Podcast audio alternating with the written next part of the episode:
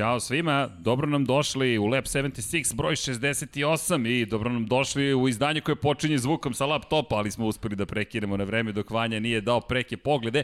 Dobro nam došli u posebno izdanje. Sredom, kao što ste navikli, pričamo o motociklizmu. Danas od 17.30 krećemo, naš dragi gost i čast nam je što je sa nama, je ranije mogao jedino da nam se pridruži, tako da smo pomerili termine za one koji čekaju SKNFL podcast, bit će od 21.00 na kanalu, YouTube kanalu Sport kluba, ali pošto danas dan za MotoGP, ne nećemo nužno pričati o Moto Grand Prix, ali pričat ćemo o motociklima i sa nama je legenda, uz naravno Dekija Potkonjaka, standardna posada kada je reč o dvotočkašima, makar onima sa unutrašnjim sagorevanjem, Gabor Sagmeister, legenda, čovek koji je 13 puta učestvovao na Rally Dakar, 10 puta si završio, to tako lako zvuči u jednoj rečenici, 13 puta učestvovao, 10 puta završio, jednom završiti je da svi ustanemo i da ti se poklonimo još dubokni naklon i hvala ti puno za vreme koje si odvojio za nas. Hvala vama što sve me pozvali. Ne, ne, da, dugo to već nekako planiramo, mnogo je bilo pitanja kada ćete zvati Gabora Sagmajstra, evo zvaćemo, nije problem, pa onda informacije, može, ne može, COVID, pričat ćemo o svemu, ali da krenemo mi od početka, Rally Dakar, Deki ima to čuveno pitanje, šta je Rally Dakar, je to rally, je to vožnja, je to avantura,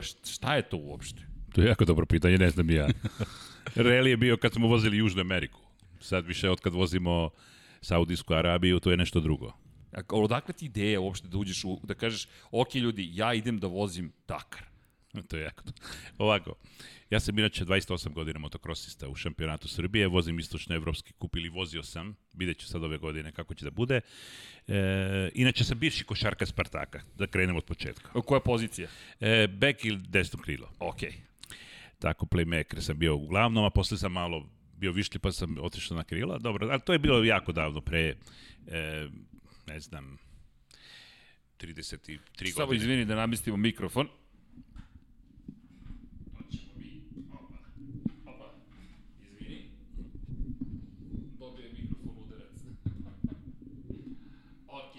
Dajte nam minut, moramo ovo sad da sredimo. Samo sekund, Gabore. Deki, ti preuzmi reč. Da. O, ovaj, ne, zanimljiv, jako zanimljiv početak. Prvo nisam znao za tu informaciju za, za ovaj košarku, ali mene pre svega, naravno krenut ćemo ovaj, sa tom pričom o Dakaru, ali zanima me i ovaj, otkud, to, otkud taj motocross, kako se on pojavio u čitavoj priči, posebno posle košarke, ono kad, kad parket i, i neku toplinu dvorane zameniš, ovaj, zameniš sa prašinom. E, to, to me je isto ovaj, jako zanimljiva priča pre onog početka o Dakaru. Da. E, moja karijera u motokrosu počinje iz sela Boževac, pored Požarevca imam jednog starog prijatelja, zove se Jovanović Joviša, on je bio pre motokrosista i kupio sam i neki polovan cross motor od njega u nekoj zameni, nekog Suzuki 125 kubika, to je bilo 92. godine a uvek sam vozeo drumske motocikle uglavnom. Moram da i nabrajam kakve motocikle sa voda, ko voli motosport, jako dobro znaju. Prvi motor kad sam imao 18 godina, vozio sam Kawasaki GPZ Ninju 600 era, Onda sam drugi motocikl ima ZZR 1100, to je bilo 90. godine.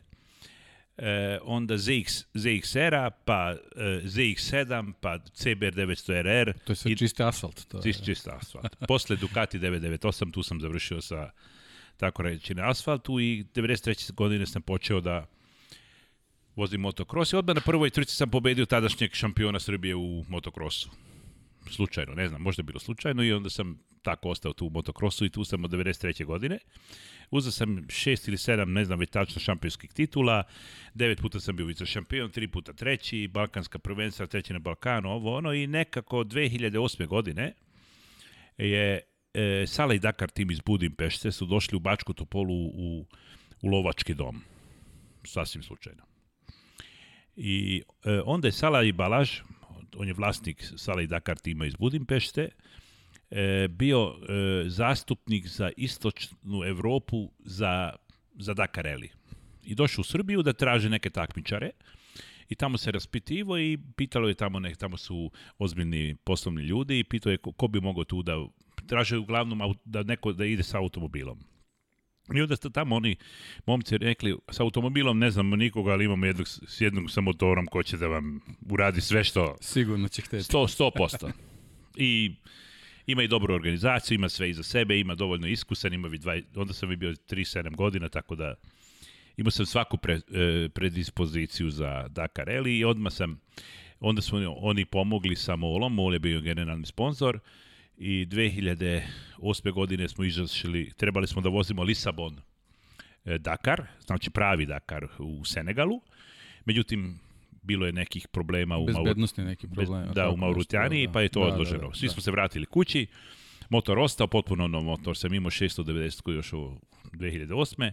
Vratili smo se nazad i onda, je, onda su prebacili Dakar Rally u Južnu Ameriku.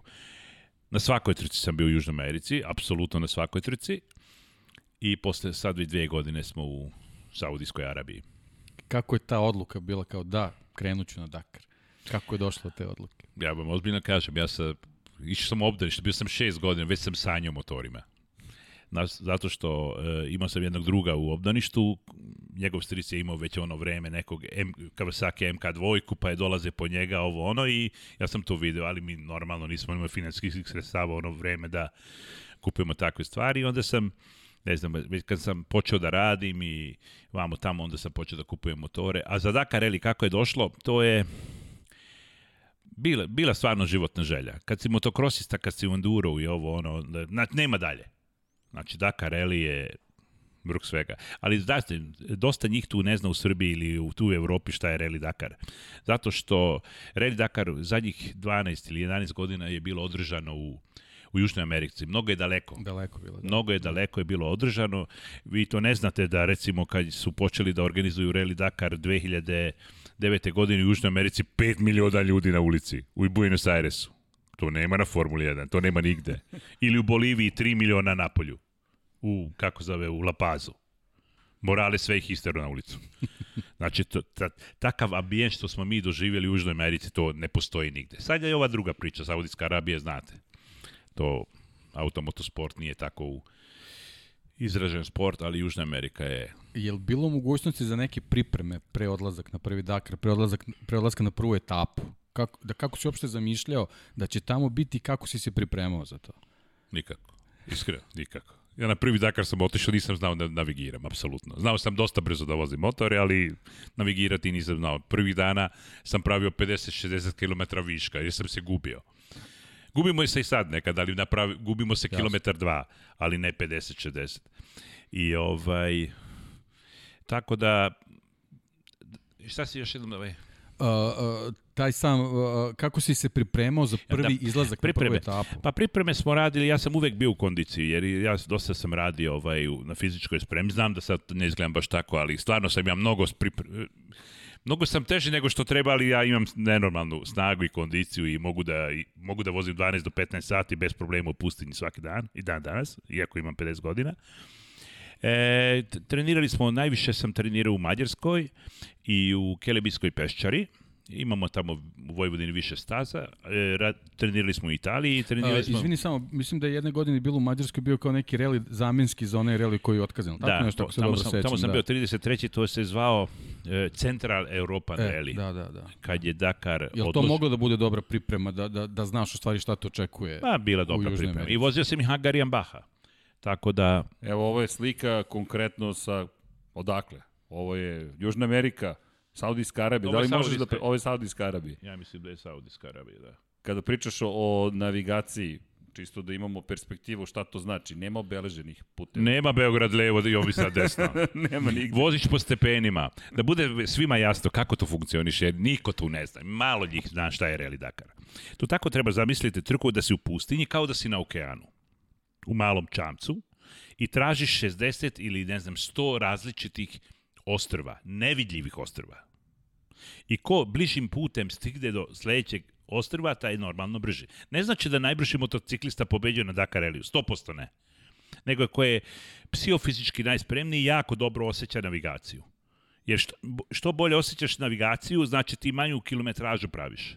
Ja automatski si brži. Nije sve do jedne check tačke do druge recimo ima nekad 5, 6, 7 km. Nije svejedno da li je to 5, 6 km ili napravi 7 km da bi stigao. Izvini, kako navigiraš? Šta ti vidiš ispred sebe? Vidiš GPS, vidiš ne, mapu? Šta ne, imaš? ne ima veze sa GPS-om. Odmah da Znamo, samo da, da, da mi objasnimo. Fiskalna e, kasa. Tako je. Nema veze. Evo, otprilike fiskalna kasa. Kao road, to je roadbook se da, zove. Da. To je kao fax papir, da svima bude lakše i stari ima da razumeju šta je to e, to, to se vrti u elektronskom formatu, ima 300 različitih znakova. Ja najvjerojatnije ne znam sve, ali 200, 200, 200 i nešto sigurno znam. I to treba prepoznati. Prvenstveno, kad dođeš na start Relija Dakar, trebaš da namestiš, e, imaš merač metara. To je najbitnija stvar. To nuliraš, nuliraš, na, već na, automatski na GPS-u ti je nulirano.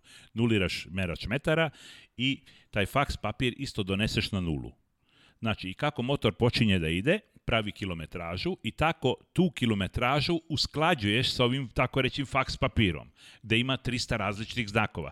A 300 različitih znakova ti trebaš da prepoznaš, to je kamen, to je stena, to je, ne znam, e, možda bude neki stari kamion u pustinji, drvo, žbunje, ne znam, možda bude stara guma u pustinji, to su ti znakovi što trebaš da prepoznaš i ima i za puteve različite, recimo ima asfaltni put, ima tucanik ili ima, ne znam, e, pesak, dine, to su sve različiti znakovi, to treba tu da se...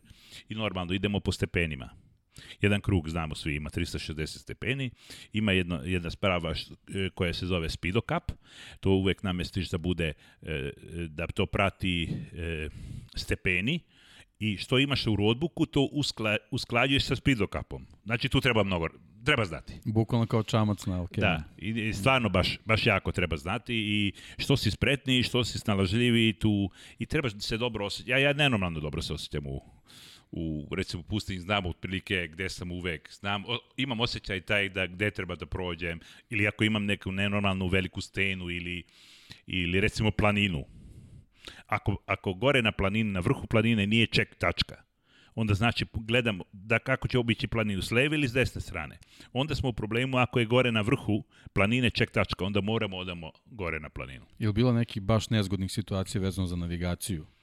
Da se sećaš onako sad u ovom trenutku, baš da je bilo onako pa nezgodno. A bilo svake nekrivo. godine ima, ali snalazim se, nema panike, znači snalazio sam se uvek i što sam stariji, to sam iskusni i znam da na, na Dakar Reliju nikad nije kraj. Sam onda je kraj ako si slomio ruku, nogu ili ako je motor zaribao. Inače, imaš tako reći vremena da dođeš sebi i da nađeš pravu putanju. Izvini, ti si jednom lomio ruku, ako se ne varam, i dva puta ti se pokvario motor, od, da. ta tri odustajanje. Da, dva puta za ribo motor, onda sam vozio za Europetrola, on, f, oni su bili generalni sponzori i onda su forsirali normalno privatnici. I ja zavrno i pet, rekao sam, go, bit će pet dana maksimum. motor je stao peti dan. E, treba tu sačuvati sebe, motor i normalno zdravlje. To je Sveto trojstvo. znači, apsolutno nije jednostavno. Reli Dakar, da. ja jedva čekam da još neko ode. Bili su već, Boža Ristić, on je stvarno jedan jako dobar takmičar. Ali pravi Dakaristi su oni takmičari. Ja se izvinjam, ama koji će nekog uvrediti ko stigne i barem jednom do cilja. A to smo pričali, kada smo pričali, spomenuli smo Kevina Benavidesa, Jer... pobednik i rekli smo, ljudi, pobednik nije samo on. Svako da. ko je došao do cilja je pobednik. Verujte mi, Ja sam 10 puta stigao do cilja. Ja nisam siguran da li će 11. put doći do cilja. Sad tako kažem, kad, kad sam možda, ne na Balkanu, u istočnoj Evropi sam sigurno najiskusniji. Ima na 7 legend. Da, treba reći da, da na Dakaru uh, postoji svrstavanje vozača. Gabor je u grupi koja se zove Legende. Legende, da. Tako da to, to Znamo posebno treba napomenuti. Da, tako piše je, regionalna legenda, da. pošto ti pokrivaš jedan ozbiljan region, ali ti si legenda Dakara. Da, lega, da. da. Ima na sedam, ja mislim, u motociklizmu, tako, na, na svetu. Kako ti zvuči to?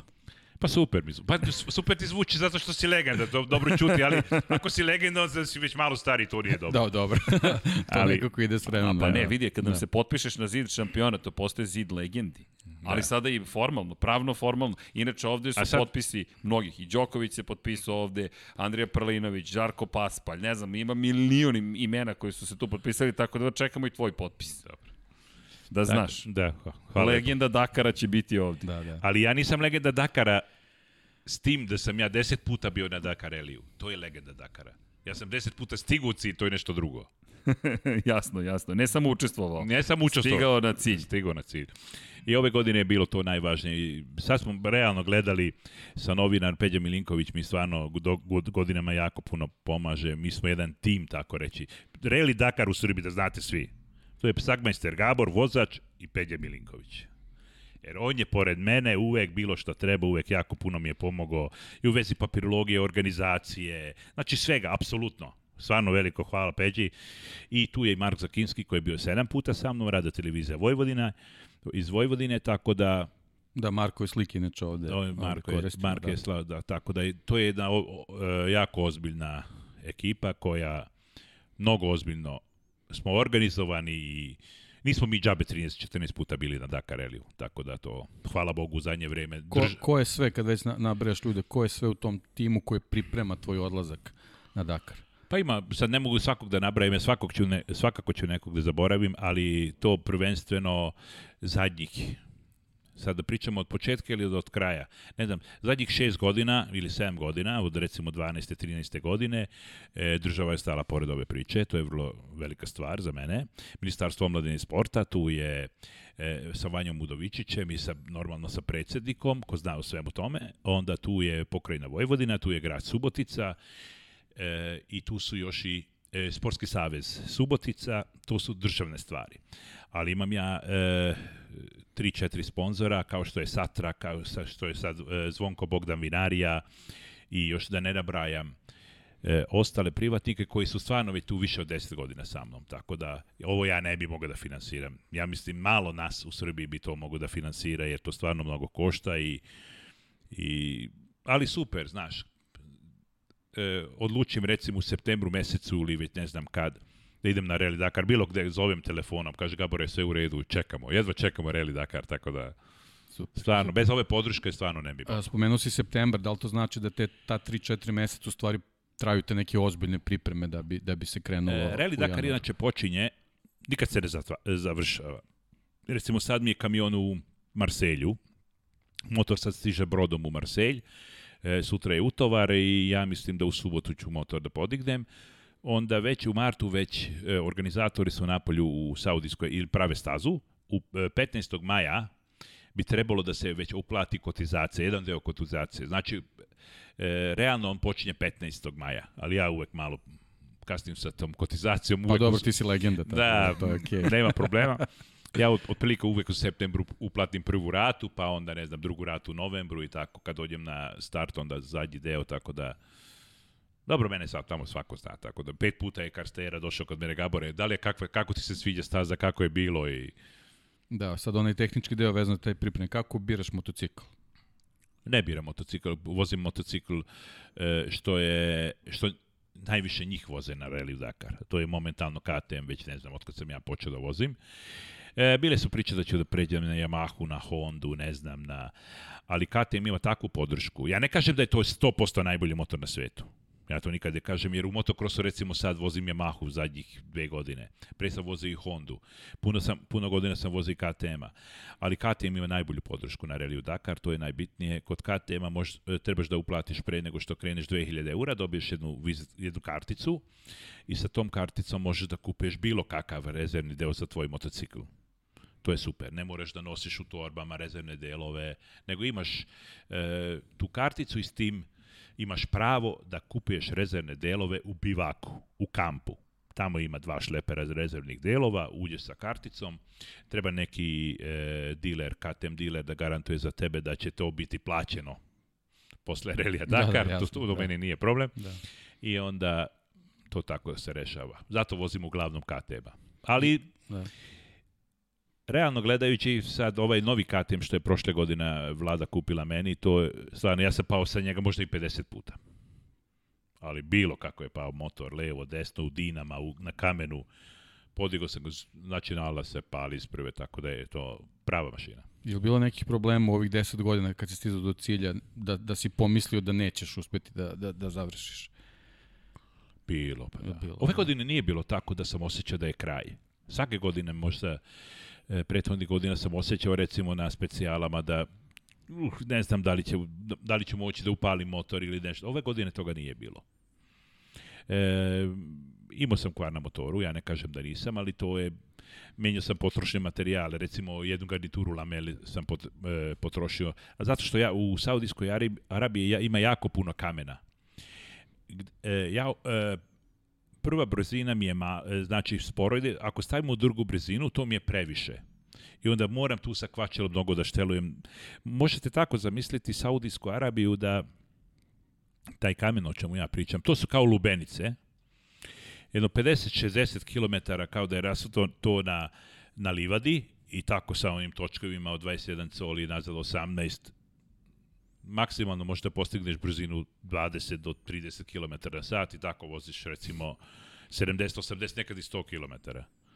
I to je 2-3 sata vožnje i Da, pričali smo, pričali smo pre emisije, ali mogu sad možda, u stvari, ajde, evo, evo, evo ovo je. Pa kada je Vanja već izbacio ovo otprilike ta neka mapa, ovaj, nam ovde deluje da je to prilično jednobrazno, ovaj, veoma, veoma slično. Ali možeš ovde otprilike samo, eto, našim slušalcima, gledalcima malo po ovoj mapi da objasniš neke specifičnosti ovaj, u ovim detaljima vezani za, za ove gradove u, u Pa kako, na Džeda to je tamo smo bili stacionirani, to je start, tamo dolazi brod, tamo je isto, to je luka inače. Džeda, ja mislim, ima oko 5 miliona stanovnika. E, bili smo jako lepo primljeni e, sa, od, od porodice Pletil Norbert. On vozi za... E, on je pilot inače za Flynas, za e, saudijsku aviokompaniju, tamo je već ne znam 6-7 godina. Tamo smo bili 7 dana pre Dakara, ta prava porodica, znači sve je bilo kako treba. E, od Džede smo krenuli prema Biši, tu je uglavnom, kao što vidite, pored e, E, pored e, vode, tu je, pored kanala, tu je bilo e, dosta toplo. U Čedi inače cele godine od 25 do 30 stepeni, iako je januar mesec, kupali smo se često. Kakva je tu podloga bila? Podloga pesak uglavnom. Pesak, ima malo, kamen, ima malo kamena, ali to ne malo. Mnogo kamena ima, e, recimo 100 km prebiše Onda drugi dan isto je, e, drugi dan smo vozili u isušenim rekama, dosta isušenih reka je bilo, bilo dosta kamena isto. E, do Rijada, do, do Rijada e, i, i, drugi dan je bilo dosta i dina. Recimo do Rijada isto isto dosta peska ima, tu smo mogli redovno, to je bilo jako interesantna specijala, tu smo se dobro osjećali, baš smo imali dobar tempo. E, onda do, od, od Rijada to to već ovaj, se ne sjećam tačno kako je bilo, ali ima puno isušenih reka i, i ima puno, e, tako reći, ovih e, puteva, puteva kao kamenitih puteva, kao to nije šljunak, to je kao jednic cucanik, to je više ma, mali kamenčići. Tu smo vozili, e, onda, znam da je oko tu, oko Sakake, Hail i Sakaka, to je nenormalno hladno.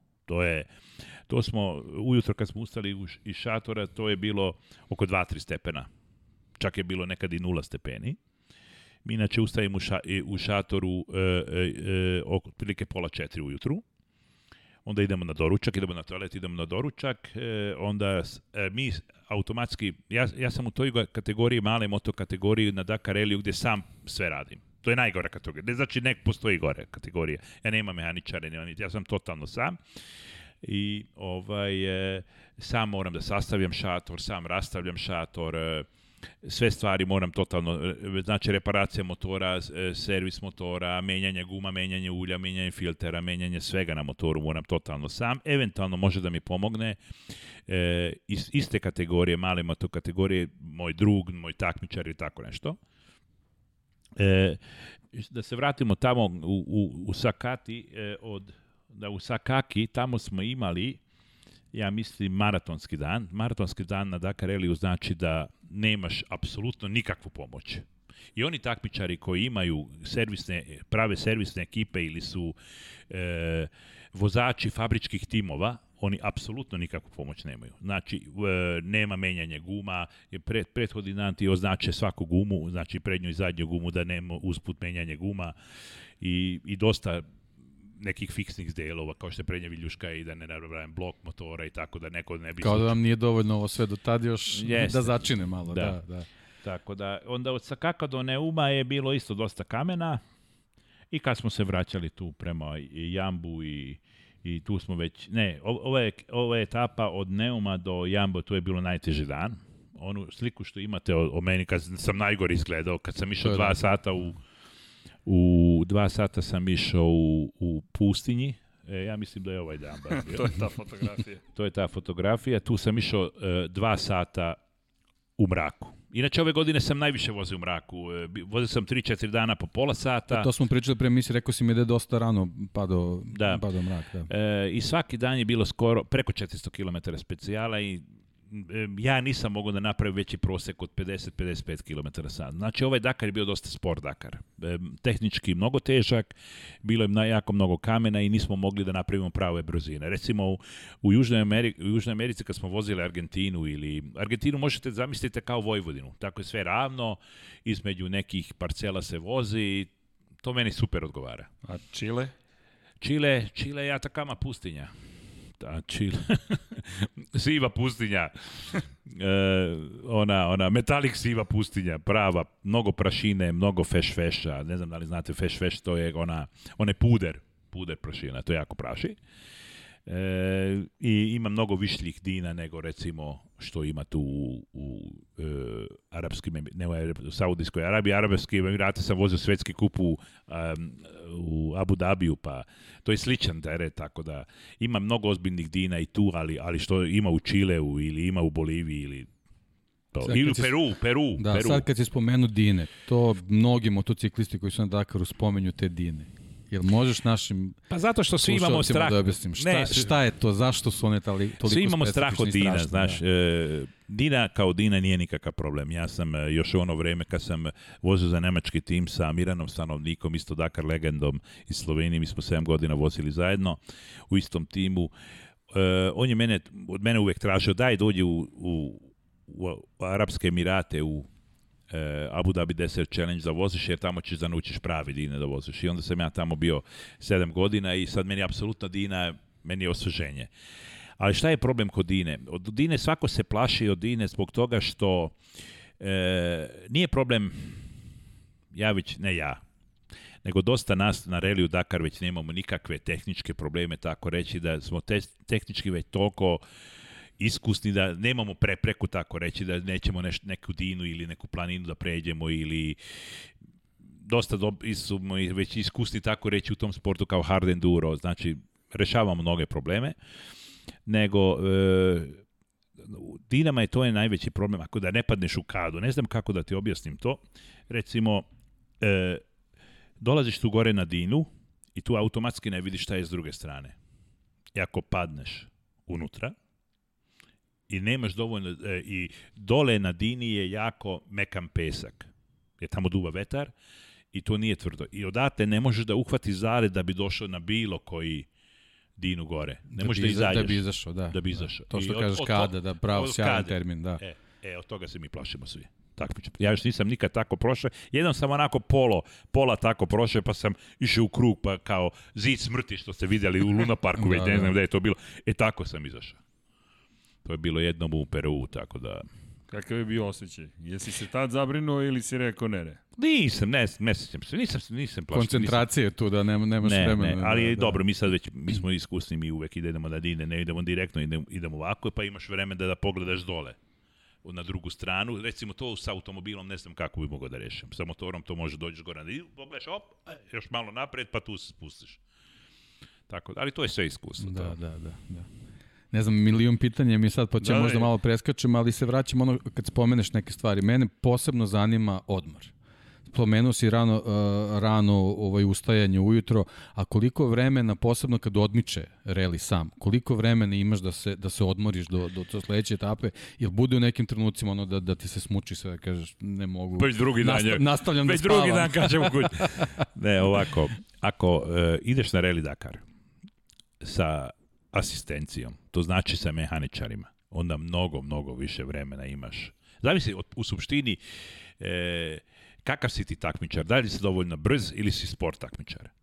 Zavisi koliko ima takmičara recimo na startu. U, u Južnoj Americi je bilo preko 200 vozača. Sad je bilo recimo 120 vozača.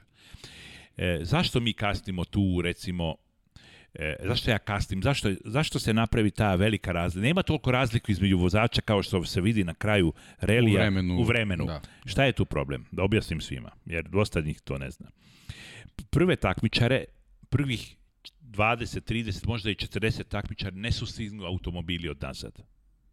A nas koji se vozimo tu oko 60. 70. mesta, nas recimo posle sat vremena postigne, e, stigne Alatijah, pa dođe Carlos Sainz, pa dođe, ne znam, Al Radži. Takvu je prašinu naprave da meni treba 2-3 minuta da bi opet uhvatio pravi tempo. Uhvatiš pravi tempo, e, dolazi drugi takmičar, pa treći, pa ne znam, peti, pa drist prvi, pa i tu mi gubimo jako puno vremena. I to kad prođe recimo 15-20 automobila, stiže Kamaz. Onda stižu Belorusi sa, sa Mazom. E, znaš kako, kakve rupe naprave. One idu na, na tvrdom terenu, ali recimo ako je pešćana staza ili ako je feš, feš ne daj Bože, Kamaz pre, od, od 1800 konja već koliko ima taj kamion, ovakve, takve rupe napravi da ja u tom Da, napraviti kolotrag iz kojeg ti ne možeš da izađeš. Ne, da, da. takav kolotrag napravi, dobro me slušajte. Da ja kad ulazim sa točkom od motora, meni, su, meni je nogar već na pesku. Znači napravi 30-40 cm. Vrlo slikovito. da, da, ušao si u... Da, da. I tu mi gubimo, zato se de, desi da ja gubim, e, da ja dolazim posle 3 sata od prvog ili ne znam, Da, u stvari Inače, a... vi, vi praktično niste u istoj konkurenciji upravo zbog toga. Aps, apsolutno A na koliko se startuje samo u, u, u e, prvi, motociklizmu? Prvi, e, prvih 20, ne, prvih 10 takmičara E, po 2 e, minuta ima razlike, pa posle od, od 10. do 20. Da, to je ogromna razlika. Da. To sam stvari samo da. hteo, da. nije Ali bitno mi, sad mi precizno. Ali mi posle koji se da, vozamo, da. otprilike tu negde 50. 60. mesto, zavisi kako kad, mi svakih pola minuta krećemo. Tako da i tu prašina, prašina je najveći problem na Dakaru. Ali izvini, jedno pitanje, koja bi bila strategija da izbegneš to? Kako uopšte da uđeš među tih vodećih 30-40 da bi pokušao da izbegneš da se nađeš u toj situaciji? Da. E, trebalo bi mnogo više da treniram, e, trebalo bi e, mnogo više financija, trebalo bi e, mnogo više vremena da, da, e, da sam recimo u Africi gde ovi treniraju u Egiptu, u Mauritaniji, ne znam, u Maliji, u Senegalu, puno treniraju u Dubaju, tako da ja ne vozim celo prvenstvo šampionata. Jasno. E, znači, i trebalo bi normalno da budem lakši. Ja nisam pazio na svoju Dobro, težinu. Ili ima neka, nešto pozitivno kada si manje lakši? Ne, ne, uvek, uvek je bolje kad si lakši. Ja sam, ja recimo, ja kad 2008. godine sam počeo da vozim rally, da- treba znati da sam ja blizu 2 metra, 196 cm sam visok. I, I prvi Dakar sam recimo počeo da vozim sa 114 kg. Već sam i onda bio onako. A sad, sad sam još 10-15 kg teže, tako da bilo bi super. Baš smo pričali sa Djenešem Manuelom, s mojim klubskim kolegom, On ima 70... A ti si dobar reper, reper za KTM. Onda. Da, da. da. Mi smo konstantno dvoje na motoru. to, to. Mi smo dvoje uvek na motoru. Ja kad vozim, mi smo dvoje na da. motoru. Da. Evo imamo ovde negde opremu od, od, od, od Brabeka. Pogledaj kolicna da. je to majica. Da. Vidite. I ovaj, šta hoću da ti kažem?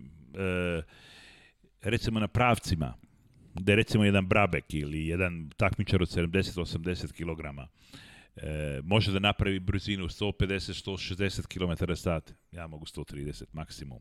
U dubokom pesku, pesku i tu već se dešava ono da ne mogu da stignem tako, tako brzo. Dobro, možeš da ostaneš duže na motoru ako to nešto da, da. znači. Da. Više Ali snage... dobro, mi smo, kad smo vozili recimo, e, kad sam vozio svetski kup u Abu Dhabiju, tu sam imao 2 mesto, 14. mesto, 20. 21. mesto, 27. mesto, znači tu je bilo baš kad se, kad se vozile samo Dine, jer ja u Dinamam sam dosta brzi, tu mogu da napravim bolji rezultat. Nego problem je, ja nis, da imam iskustva sa kamenom. Ja tu mnogo vremena gubim na kamenu. I ni, ja nisam eh, nikad vozio tako reći hard enduro. Tu u Saudijskoj Arabiji dobro polaze oni vozači koji su vozili hard enduro ili koji voze tako reći potok, kod nas se to tako kaže, voze potok, harde duriste voze potok, mnogo stena, mnogo kamena, mnogo, mnogo vode u, u, između stena i da je klizavo i tako da. Rekao da, si da je, da. Saudi, izvini, Saudijska mm -hmm. Arabija da je drugačije u odnosu na, na, na Južnu Ameriku. Jel ti više prijala onda Južna Amerika Jeste. iz te perspektive? Apsolutno. I rekao si na početku, sad više ovo nije baš reli. Koja je to razlika između ovoga što se sada događa i onoga što si proživeo puno puta i u Argentini, Čilu i Peru i tako dalje? Pa recimo, reli za moj pojem je gde, gde mnogo brže se vozi. Ja sam navikao, recimo, ja sam vozio, imao, imao sam prosečne brzine u, u, u Argentini preko 100 km na sat. Imao sam maksimalnu brzinu 188 km na sat sa, sa 690 Kako to izgleda? 180. Dobro mi slušaj. to, ali to si, na tom si, terenu? Na tom terenu 188 sam išao Cyril da je pre bio taj dan najbliže 194 ispod mene dobro sam kako bio sto... to izgleda Ka kako pa je to ga zavrneš i, i, i držiš se u punom gasu Čekaj, I, šta je šta ispod da. tebe? Šta je ispod, koji teren je ispod tebe i ti ideš... Pesak, pesak. Na 188 je, da, na da, pesku. Na pesku, na pesku. Ali tvrd okay. pesak. Tvrd pesak. ne, ne, okej, okay, ali dalje je pesak. da, ali tvrd je kao. da. da.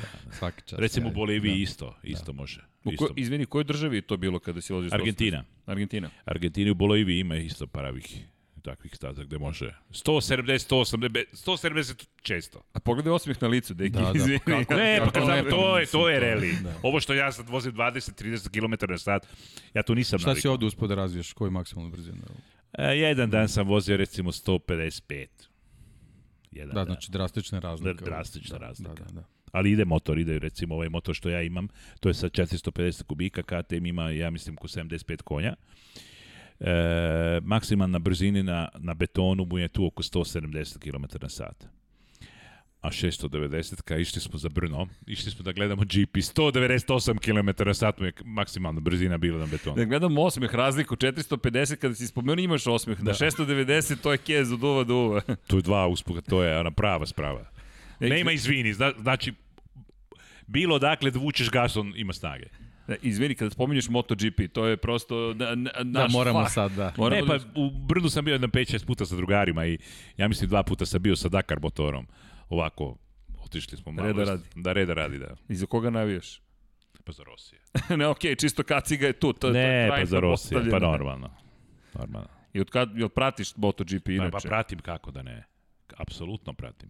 I kakav je to utisak? Izvini, malo skrećemo se teme, ali i MotoGP teme prošle sezone. Pa, kad odeš recimo na... E, bili smo i u Mizanu. Mizano, je li? Mizano, da. E, u Italiji smo bili. Smo, ne vidiš samo dve, tri krivine, vidiš i to je to ali šta hoću da ti kažem, uvek smo navile za Rosija, tako da sad vidiš, bunjevački motor pobedio Suzuki, tako da sad je... to kod nas u Vojvodini to je bunjevački motor. da, da, da. da. Ali kakav ti utisak te cele sezone prošle godine? bila je malo čudnija, ali... Pa mnogo čudnija. To, tvo... Pa kad nemaš najboljeg, onda sad ovi ostali svi su dobili samopouzdanje realno gledajući. Jeste. Da, Apsolutno su svi, je uticalo. Bez Markeza, kao što ono vreme bilo, bez Šumahera, svi su pa bili posle samopouzdanje. Kad nije tu mačka, onda miševi kolo vode. Pa otprilike i sad tako bilo, ja mislim, u GP-u. Da, pa dobro, čekamo da imamo mačka. Krenu, ali je da, bilo da, mnogo da, sad će krenu komentari. Da, da, da. Ali, Čekaj, navijaš za Rosija, ali je ti najbolji Markez. Mar Markez je najbolji, tu nema priče. Mislim, može da, može da se ljuti ko kako hoće. Ali Momentalno. Legenda Dakar ovo kaže, tako da... Momentalno, sad dobro, Jasno. sad, sad se ono zledeur, ali pre, to, e, pre recimo koliko dve, tri sezone je tu Marquez, videlo se da je najbrže. Ja da ja volim najviše e, Rosija i stvarno Rosija faca i e, svako Rosija voli, ali Marquez je, ne, ja ne kaže volim i Krčlova, znači on je, on je jako malo specifičan. Drčan. Dr, da, da, to je. Ima, volim, ima. Ovo, ima, ima. ima, ima. Da. Kračlo je pravi iz da, te da. perspektive. Da. Tako Dobro, da. verovatno si malo kričkom oka pratio KTM-ovce, pošto si ipak ne, ne, nisam pratio, bojem. Nisam, nisam, nisam, ne, nisu nisam oni. pratio. Da. Pratio sam ono vreme Talmači Gabora, kad je bio svetski šampion, njega sam pratio i poznajem i porodicu Talmače i tako da, oni su tamo kod mene 150 km od mene u Mađarskoj, bio sam i kod njega. E, ja sam, e, imam neku pokretnu prodavnicu za motopremu, od njih sam kupio, tako da poznajem dobro, e, tu porodicu, tako da on, njega sam pratio. Onda u ono vreme, pre recimo 20 godina, su Subotičani bili u, sa Djerfi Zolikom, su, sigurno vi znate Djerfi Zolik, on je četvrostruki mađarski šampion u 125 kubika. Imamo Barkovića u 50 kubitova, imamo još mnogo takvih takmičara koji voze brzinski motosport iz Subotice. Da, ali Gabor je postigao neprevaziđen uspeh. Biti šampion sveta u 125 kubika I on je vozio za Jorge Martinez za da. Spara da. i to u koje vreme. To su još dvotaktaši. Gabor da. je postigao ne, nešto što se cool. pamti. Jeste, Zaista, jeste. To, to. I bio sam iznenađen u Budimpeštu kada su stigli u tom prilike periodu koliko je velika zvezda Gabor bio u Mađarskoj i zaslužena zvezda. Nekako absolutno, nisam navikao da ljudi u tom periodu znaju toliko o motociklizmu. Kamoli 125 kubi kad dolaziš u Budimpeštu ogromni billboardi Gabor talmači i to je, da. to je fenomenalno bilo videti. Baš je napravio pravu pravu stvar, biti šampion na svetskom prvenstvu 125 kubika, gde su motori Upravo to. Da.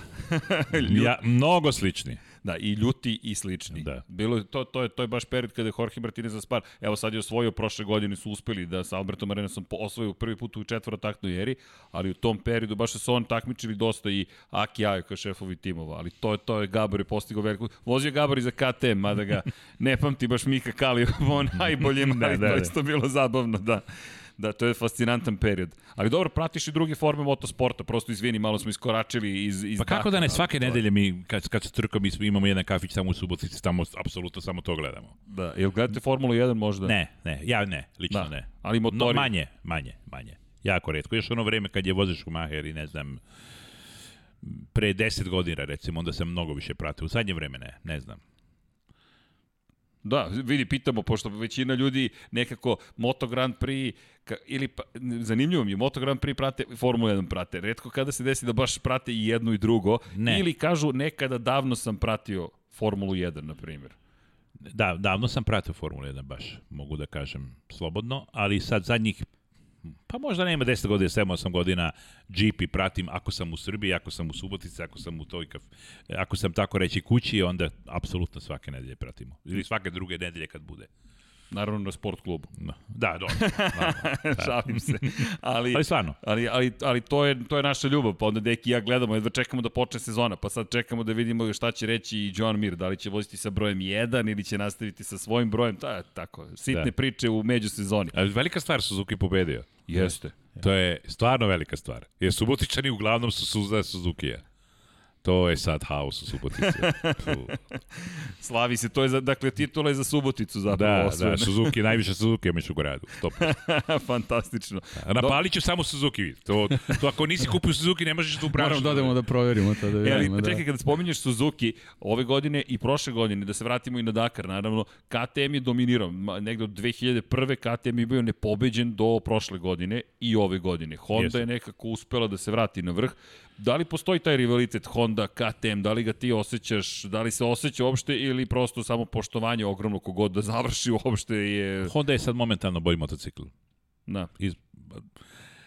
Sad da ne pravimo problem. ne, ne, ne. Ali iskreno, e, ja pričam sa, sa takmičarima e, i KTM vozači kaže Honda se lakše vozi. Jasne. Honda se lakše vozi. E, KTM je stabilni motor, tako reći duži, i, i kao mašine je mnogo izdržljivija. Jasno. A recimo za moj pojam, najbrži, mot, najbrži takmičar na reliju Dakar je e, Bord Bare, Bareda Port. Zašto? Pa zato, on je najluđi i najbrži. Samo okay. nikad ne završe trku. A okej, da se vratimo na početak. A najiskusniji, najiskusniji je Toby Price. On, on je stvarno onaj stabilan vozač ko zna da donese motor. Da, on je pravi šampion, on zna da pobedi ali vidiš, Bareda Porte, čak jedne godine smo zajedno putovali nazad, kaže, evo te, ne mogu da verujem. E, Bareda Port zna da pobedi e, za 12 dana, 5, 6, 7 dana. Dok Tobi Price ne, ili ostali takmičari, ili sad recimo pobedio Argentinac, ovaj mali Benavides. Benavides da. E, ja se sećam kad je on došao na Rally Dakar i on je, ne znam, sad možda u dva, tri, dva, tri dana pobedio, ne znam koliko dana pobedio. Da, ima je čak jedan pad, on je, znači, i on je rekao, bukvalno je bio da neće e, završiti. E, Quintanilla isto jako dobro vozi, Quintanilla isto Čilianac, Čilijanci su inače jako dobri, Corneo, ali ja se sećam kad je... kad su... su oni pojavili kad je tamo krenuo Dakar ili su... Ili ne, su, on, oni su, oni su, se, bukvalno... oni su se pojavili onda kad je bilo u Južnoj Americi. Da, da, da. znači zadnjih nekih Ja se sećam kad je Corneo, da. kad se ga doneli tako reći, onda onako plaštiv dečko. I prve godine čak je išli smo dosta zajedno, jer kad je počeo da vozi nije još imao tu brzinu. Posle, posle imao jako, do, e, jako dobru putanju, on je sa, sasvim slučajno ušao u taj tu Hondin tim, jer neko je ispao iz Hondinog tima, pa su njega ubacili, on je još dobio vi, još više samopouzdanja i hteo da se dokaže, evo, pogledaj sad, sad je u topu. E, sad, sad me baš podsjetio, ja sam te pitam ono, a, na tu temu drug na drumu tamo. Vi ste svi velika porodica, definitivno. Dakar, pa tu... Kako to izgleda ono, kad, kad se dese neki problemi sa nekom tok, pa, tokom svak... etape? Tokom etape to je nešto drugo. Da tokom etape. To je nešto drugo i e, totalno je nešto drugo u bivaku. U bivaku bilo koji problem imaš, to rešavaš. Tu, svako će te da pomogne. Na trci tu, oni takmičari koji recimo, e, koji se znaju pre od pre na reliju Dakar, kao što sam ja već, ne znam, 13-14 godina, ima dosta takmičari koji su 5, 5, 6, 7 puta bili na Dakaru, mi se već znamo jako dobro, iako bilo kome, im, bilo ko ima bilo koji problem na stazi, tako na specijali, onda auto, automatski stanemo, pitamo da li je okej okay ili nije okej. Okay. Ako je kaže ok, onda znači automatski sam zna da na popravi motor ili bilo koji problem ima, zna, zna sam da reši. Ako ti traži pomoć, kao što je recimo Wagner, sad bi tražio lamelu, jednu lamelu, ovaj, ali nisam imao kod sebe. Tako nisam mogao da mu pomognem. Prethodnih godina kad sam imao asistenciju, kad sam imao, kad sam vozio 7 godina za nemački tim Kaiser Tosten, onda sam imao sve na motoru, sve, i polugu menjača, i polugu ručke, kvačila, i kočnice, i lamel, rezervnu lamelu, i ne znam, svašta sam imao na motoru. Ali sad, otkad sam, ja sam to spremam jako malo toga nosim i ovako je motor i lakši i, i čak i od alata jako malo. Znači ako nešto ozbiljno se desi ja sigurno neću moći u pustinji da popravim. Izvini, samo da se nadovežem na ovu priču. Ove godine smo imali zanimljiv moment. Mi smo to ispomenjali, negde smo istakli. Mi, mi dosta pot, po, polažemo na humanizam, na, na taj da. ljudski moment, da, da budemo ljudi pre svega, i da pomažemo jedni drugima. Ali Toby Price ove godine polomio ključnu kost i pomogli su mu i Sam Sunderland je uskočio, pomogao mu i Ricky Brabek da. i to je neverovatno. Dakle, to su Brabek koji je pobedio prošle godine, su se zaustavili, bila je ozbiljna situacija da mu pomognu. Tako da... A Bre, Brabek je na kraju kasnio samo dva minuta jeste. za, I, za Benavides. Ali, ali, ali treba da znate. Da, treba da znate. Ja bilo kome mogu da pomognem. Jasno. Ima dugme na GPS-u. Jasno. Posle to se skida to vreme koliko se potroši. Tako je. Da, da. da. To, to, to isto bitno. Njima da. su skinuli to vreme koje su pomagali, da. ali su skočili da pomognu, tako da e, to je, vodi to, se račun. To je ista familija, Dakar Elije to. To je to, to, to, to je ono što smo gledali. To nema nigde. ne, to ne, ali kakav je to osjećaj? Ti, ti si, potpuno si sam. Meni je to ono što si rekao na okeanu si. I dalje gledam one tvoje fotografije u pustinji. Meni izgleda to i dalje fascinantno. Bez da. obzira što da. ti znaš gde si, ali znaš, taj moment, i kako se osjećaš kad si potpuno sam, jel da razmišljaš, čemu razmišljaš, o vožnji? Pa nemaš ti vreme da, da razmišljaš o ničemu. Ništa. Ti pratiš navigaciju i voziš motor, nemaš. I to je to. Apsolutno, ne, malo toga ja vidim od toga, onih lepih prostranstva, tako da, stvarno malo. Jasno. Tek Jasne. posle slikama. Pa da. posle slikama, jer ti izgleda. apsolutno moraš da budeš koncentrisan jer ti si na dva točka. I to smo ti pričali, mož, da, pre, ti ne možeš tu da se igraš. Da, ovaj, e, pričao si za pripremu na Dakar i ko, ko je u stvari kandidat da ide na Dakar. Bukvalno, znači ako ideš tamo, samo o tome moraš da razmišljaš, znači sve ostalo moraš da ostaviš. Nema mame tate. Tako smo pričali. Da. Nema nikoga. Ako sam ne znaš da srešiš svoju situaciju, nemoj da ideš na Dakar. Ako nisi spreman da svaki dan ostaneš u 3 sata, 4 sata ujutru i da radiš do 7 sati uveče ili do 8, i posle sam da popravljaš motor, dobro ako imaš asistenciju, onda to je drugačije. Ja sam 10 godina imao asistenciju, zadnjih 3 godine nema asistenciju, ali baš mi je to interesantno tu da budem u male moto, jer tu si totalno sam. Tu ne možeš s nikim da se posvađaš jer si sam. Sam si, svugde si sam. Ako si dobro popravi motor, motor će da funkcioniše kako treba. Ako nisi, nisi. Tako da, ali to je To je najinteresantnije. Mislim, to je pravi Dakar, male moto kategorije, što ja vozim tri godine. Jer da je najteže, ali već toliko iskustva imam da smem to da uradim, da budem totalno sam. Da, ove godine je bilo, ja sam baš nešto, skoro sam se sjetio toga, ovaj, bilo je 20 godina od pobjede Jute Kleinschmidt na Dakaru, da. do duša ona pobjela automobilima, ali nju moramo, moramo da se setimo nje kao dame koja je ime stekla na motociklima. Onda sam još, da, onda sam još gledao televizor, ne znam, ja nju ne znam da. ovako direktno. Ali isto imamo sad devojke neke koje... Da, koje, imamo jako dobre Lalo devojke. Sainz i tako Lalo, da, dobro, Lalo da, Sainz, da. to, to je da. nešto drugo, to je, da. to je fabrička ekipa. Ona, ona je, ja mislim da je evropski, prv, evropska ili svetska čak prvakinja u trijalu. Ona je jako sposobna. Ona je, stvarno, ona je, ona je momentalno recimo top 20 vozača na svetu. Sigurno. E, ona je jako dobra i ne znam sad, bila ova nova devojka iz Bolivije na kvadu, na ATV-u, koja je isto sposobna. Često smo išli zajedno. E, oni sa ATV-om mnogo bolje prolaze kad je, kameni, kad je jako stenovit teren, oni super prolaze tu. Dobro prolaze u Dinama, ima četiri vuče, znači i ova mala je baš, baš bila sposobna, ne znam, možda ima 30 godina, ali do, došla je sa tatom, tata je stari roker, znači on je već možda, možda čak možda i de legenda. Oni su iz Bolivije, oni su iz La Paza, tata stvarno svake godine skoro završava Rally Dakar i sad je došla e, ona prvi put i došla do cilja, tako da svaka njoj čast. I sad što se tiče, sad već pomenuo taj, taj, eh, ovaj, te kvadove i, i tu neku tehniku malo, jer mora mnogo da se stoji na, na motociklu, na kvadu, ili tu ima neke razlike, ili... Ili se, ono, ja, svaka prilika se sedi. Ja nikad nisam vozio, kva, mislim, vozio sam ovako hobi mm -hmm. ali nikad se nisam takmičio za kvadam, tako je o tome ja ne, ne mogu nešto da, da pričam, ali na motoru e, mogu slobodno reći u Argentini ili u Južnoj Americi, tako reći, tamo smo jedno 60-70% stajali na motoru. Ali tu, tu recimo manje. Tu recimo polovinu, 50% otprilike. Tako da je, no, bilo je tamo mnogo brže i morali, morali smo da stojimo na motoru zbog e, ravnoteže. Da bi izbegli, mnogo, mnogo brže možeš da izbegneš bilo koji kamen i bilo šta na motoru, mo, ako stojiš. I bolje vidiš, višlje, višli si, višli si pola metra Dobro, minimum. ali fizički je zahtevnije, pretpostavljam. Ili pa, kak, kakav je tvoj utisak? Ne, ne, fizički je e, onda zahtevniji ako, ako sediš, ako je neravan teren jer ti automatski sedište te udara.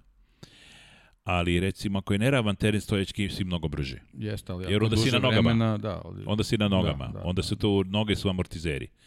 Tako da, ali kad je totalno ravno, ja sedim na motoru i skroz nazad i u fulu i zadržim, znači onda to je pravi, pravi Dakar, to je pravi reli. Pa samo trkanje. Da, samo ono full trkanje, gas, pa to je, ne ovo 23 pa stena, pa isušena reka, pa pazi, pa padneš, pa slomiš deklu, pa nema dalje, moraš kući, cijele godine razmišljaš o Dakaru, to, to je za me, moj pojam malo, nije reli, nije reli. To je hard enduro, to je neka druga stvar. Reli je ono full, brze krivine, tucanik, pravi pesak, prave dine, visoke dine, da pogledaš dole, znaš, to, to je To je za mene Rally Dakar. Kad pogledaš recimo u, u gde smo bili u Ikike, u Čileu, prve godine, kad sam ja došao na, ja Vojvođani sve ravno. Ili levo ili desno, gdje krivine čak nema u Vojvodini, malo došao na 1120 metara nadmorska visina u Ikike, u dole okean. Ja, znaš, taj, taj osjećaj od, od to, to ne mogu da vam objasnim. To je, to je nešto, znaš, ono, jo, i onda gledaš, u, ajde da pritisnem dugme da dođe helikopter, ja nisam sposoban ovo da uradim. Znaš da sam letovao u Ikikeu? Baš samo U da, Čileu. moj brat živi u Čileu. Mm -hmm. I onda je rekao, idemo u Ikike ok. Da. Ajde da vidim. I onda je u Takamu smo išli, tako da, da razumem do nekle o čemu pričaš, ali ne sam ali... da zamislim da se popneš gore i da pogledaš dole. Deki, to izgleda pa- zastrašujuće kad si dole ne, pogledaš gore. To su takve provalije. Ljudi, to ne možete verovati, recimo u Boliviji. U Boliviji imaš, vozili, vozili smo se na 5200 metara nadmorske visine Tamo više ne pada kiša, to je sve sustažica. Kako motor radi, izvini, uopšte. Nikako, nikako. Maksimalna brzina je, recimo, ono vreme na 690 je bilo oko 80-90 km na sat. Nema tu kiselnika. To nema kiselnika. Nema. Vozili smo preko Anda, recimo 3 sata smo vozili između minus 5 i minus 8 stepeni. Na motoru wow, sneg. Na motoru. Led, led, sneg. Šta je s gumama bilo? Ne znam. Ma teško je disati, je kamoli da, da... Dobili smo da. kafu, dobili smo kafu na svakih 50-100 km i smrzli smo skroz, znači ovo je... A sve smo obukli što smo ili u kampu, apsolutno sve. A, a dobro, ali i, to, je, i to, i to je Reli Dakar. To sam te da te pitam, ili ti to i dalje osjećaj Relije Dakare, da je to to? Ne znam, ja, me, i ove godine je bilo hladno u Sakaki, tamo je bilo, pff, ja ne znam, do 200 km. Nisi za hladnoću. Ne, ne, ne. ne. bolje da bude, pustinja. Ne, bolje pustinja je bolje da bude 35 stepeni, samo da ne bude tako hladno. Ja, recimo prošle ili pretprošle godine sam vozio e, neko KTM-a 1290 Super Adventure iz Kečkemete za Kotor. I ovaj, baš sam proveravao sebe kad, je, kad meni počinje hladno na motoru. Sa običnom, običnom jaknom, u farmerici sam vozio i nekoj patici, ne znam. E, sve ispod 20 stepeni je meni hladno na motoru. Ozbiljno ti kažem. Bez neke specijalne opreme, dobro, ako se obučeš ko što je ovi momci što se obuku na gesovima, što je nešto... Ali ja ne vozim tako motor da se obučem tako nenormalno. I recimo onda se vozio baš, ja mislim, u Dakar jakni kad sam išao, išao dole. E, I išao sam tu preko Jabuke i onamo dole prema, ne znam, e, prema Morinju. I znam tačno kod Žabljaka je bilo recimo 15 stepeni, pa to, ja sam se sprzao tamo skroz. Znači, sve, sve što je plus 20, znači, ja uživam. Znači, dakle, za tebe, ono, samo po danu to, da, da se vozi. Da, to, da. To. Sve u plus 20, onda mi odgovara. Da li bi vole, pretpostavljam da bi vole da Paris Dakar da organizuju ponovo. Dakle, sve krenulo i kreneš iz Pariza sa Jelisijskih polja i pravac pa Afrika. Volio bi, ali tamo neću ja da vozim. Ja ovaj, e, Afrika Race, ja to neću da vozim. Za mene to nije pravi Paris Dakar. E, a a najverovatnije neće prebaciti e, u Afriku, u Reli Dakar. Ja mislim da su ovi potpisali ASO da, je, da su potpisali yes. pet godina unapred. Ja bih potpisao normalno. Pet puta više para dobiješ da voziš u Saudijskoj, to je apsolutno u redu. Nešto sam čuo da će možda prebaciti, ali to sam samo onako čuo. To sam čuo. htio da te pitam, ali ima nekih naznaka da li će možda ruta ne, možda, malo da možda bude... Možda će da prebaci u Rusiju u Kinu ali to je samo možda. To će biti već najverovatnije, ja ću već onda gledati Rally Dakar sa televizije, ne bi, neću biti lično tamo ili možda neću biti na dva točka, vidjet ćemo kako će, bude pojma, nema. Tako da, A izvini, ili imaš želju da voziš u to je u Za dalje, da. Ovaj, da, da, ali, da, ali da... Ili u Kamazu. bilo koji automobil, ili, ali trkački automobil. Ne bih vozio, voleo da vozim, recimo, ovu, ovu klasu što, što su sad ove godine napravili e, Dakar Classic kategorija, To nije moja kategorija to nije trkačka kategorija. Ja bih volio ili trkačka automobil neki dobar, ili trkački kamion, ali to još, još više para i tu momentalno nemam takvu organizaciju da bi mogao to da rešim, jer sa motociklom vidim realnost. Sa motociklom, ja sam motociklista i tu vidim, znam tačno šta treba, koliko para treba, koliko treba, šta treba da uradim da bi došao na Rally Dakar. Nemam iskustva sa automobilom, e, ja ne kažem da najverovatniji tu bi dobro prošao, ali Pa dobro, generalno veliki šampioni na motociklima, I dobro Cipra. su se snašli da. na autom, u automobilima. Jeste. Šta misliš, da li to ima uh, neke veze sa tim nekim preznanjem na motociklima? Ili ima, ima, ima, jer mi druga, uh, druge putanje uh, tražimo na, na dva točka nego na, na četiri točka. Na četiri točka može slobodno da ide u toj, tako reći, u toj vagaš, u to, to se kaže, u toj... E, gde svi, svi idu automobili, kamioni u, ist, u istom tragu. Da, kao mi, u karavanu nekom. Kao u karavanu, da, da, u istom da. tragu. Mi motociklisti ne idemo u istom tragu. Mi idemo ili desno ili levo. Jer nama je mnogo važno da bude tvrđi teren ispod, ispod nas ako je tvrđi teren automatski... Moj Otkrio si nam Peter Hanselovu da, tajnu. Da, to, to, znači, to, to, je to, to smo hteli da pitamo kako da, je, je Peter Hansel postigao sve da, to. Da, da, Peter to Hansel to. koristi totalno drugačije putanje to to, i, to i, i Carlos Sanz i svi ovi koriste, i Alatijah i Arađe i svi ovi koriste druga će pa- putanje. Ja jako dobro ih znam, jer oni kad be mene prođu, ja čisto vidim kako oni navigiraju, kako oni rade. To su nenormalni profesionalci Mnogo su brzi. Jel njima znači suvozač ili, ili misliš da Sigurno oni... znači. Znači. Znači, 100% znači, ali ja mislim, ja ako bi vozio trke, ja bi imao sigurno moraš da imaš navigator, ali slušao bi sebe. Jer ima često da se posvađaju oni, čak i ove godine je bilo nekoga, bilo, je, da, da. bilo je nekoga su ostavili tamo, pa to je u redu. To je sasvim u redu. Da. Ko je tu u pravu, suvozač ili vozač? Zna se. Ko... Ja mislim da suvozač ima svoj, da kaže navigator, gde trebaš da, ali ti kao vozač, ti trebaš da odlučiš da li ćeš prihvatiti njegovo mišljenje ili nećeš. Znači, uvek si ti kriv ako si vozač. Nije kapetan Lađ. Da. Bukvalno kapetan, to je tvoje. Baš to je tvoje, i ti imaš oči, i on ima oči, i on može da pogreši. Pa sad ako on pogreši, onda znaš, ne moramo svi da stradamo, znaš. Ipak ti, ti imaš volan rukama i ti imaš gas. To je a, mnogo važno. A da li te zanimaju kamioni, s obzirom na činjenicu? Ne, da ne, nisam iz te priče. Ne. Ne, tamo ne vidim sebe, ali u automobili možda. Možda ali u nekom jakom automobilu. Ne ono što, što moram tri puta na jedu da idu da odem gore jer nema dovoljno stvage. Znači, ne bi vozio automobili iz, ispod recimo ispod 500 konja. Ne, to me ne interesuje. Dakle, opet Pungas. Pungas, da, između 400 i 500 konja. A ovo, što, što su ovi naši takmičari kad su otišli sa tim tom Opel Antarom sa 230 konja, tu nema šta da tražiš.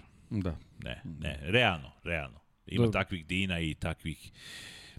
I te moraš da, u automobilizmu moraš da imaš adekvatan auto. Motor tu može da bude malo slabiji ili malo lošiji, malo stariji. U automobilu tu, tu, to je te četiri točka. Jer ti kad, sam, kad si na motoru, ti ako padneš, ti sam rešavaš situaciju. Možeš sam da izguraš, možeš da podigneš, moraš, a u automobilu to ne. Ako si... Re, onda ide kopanje.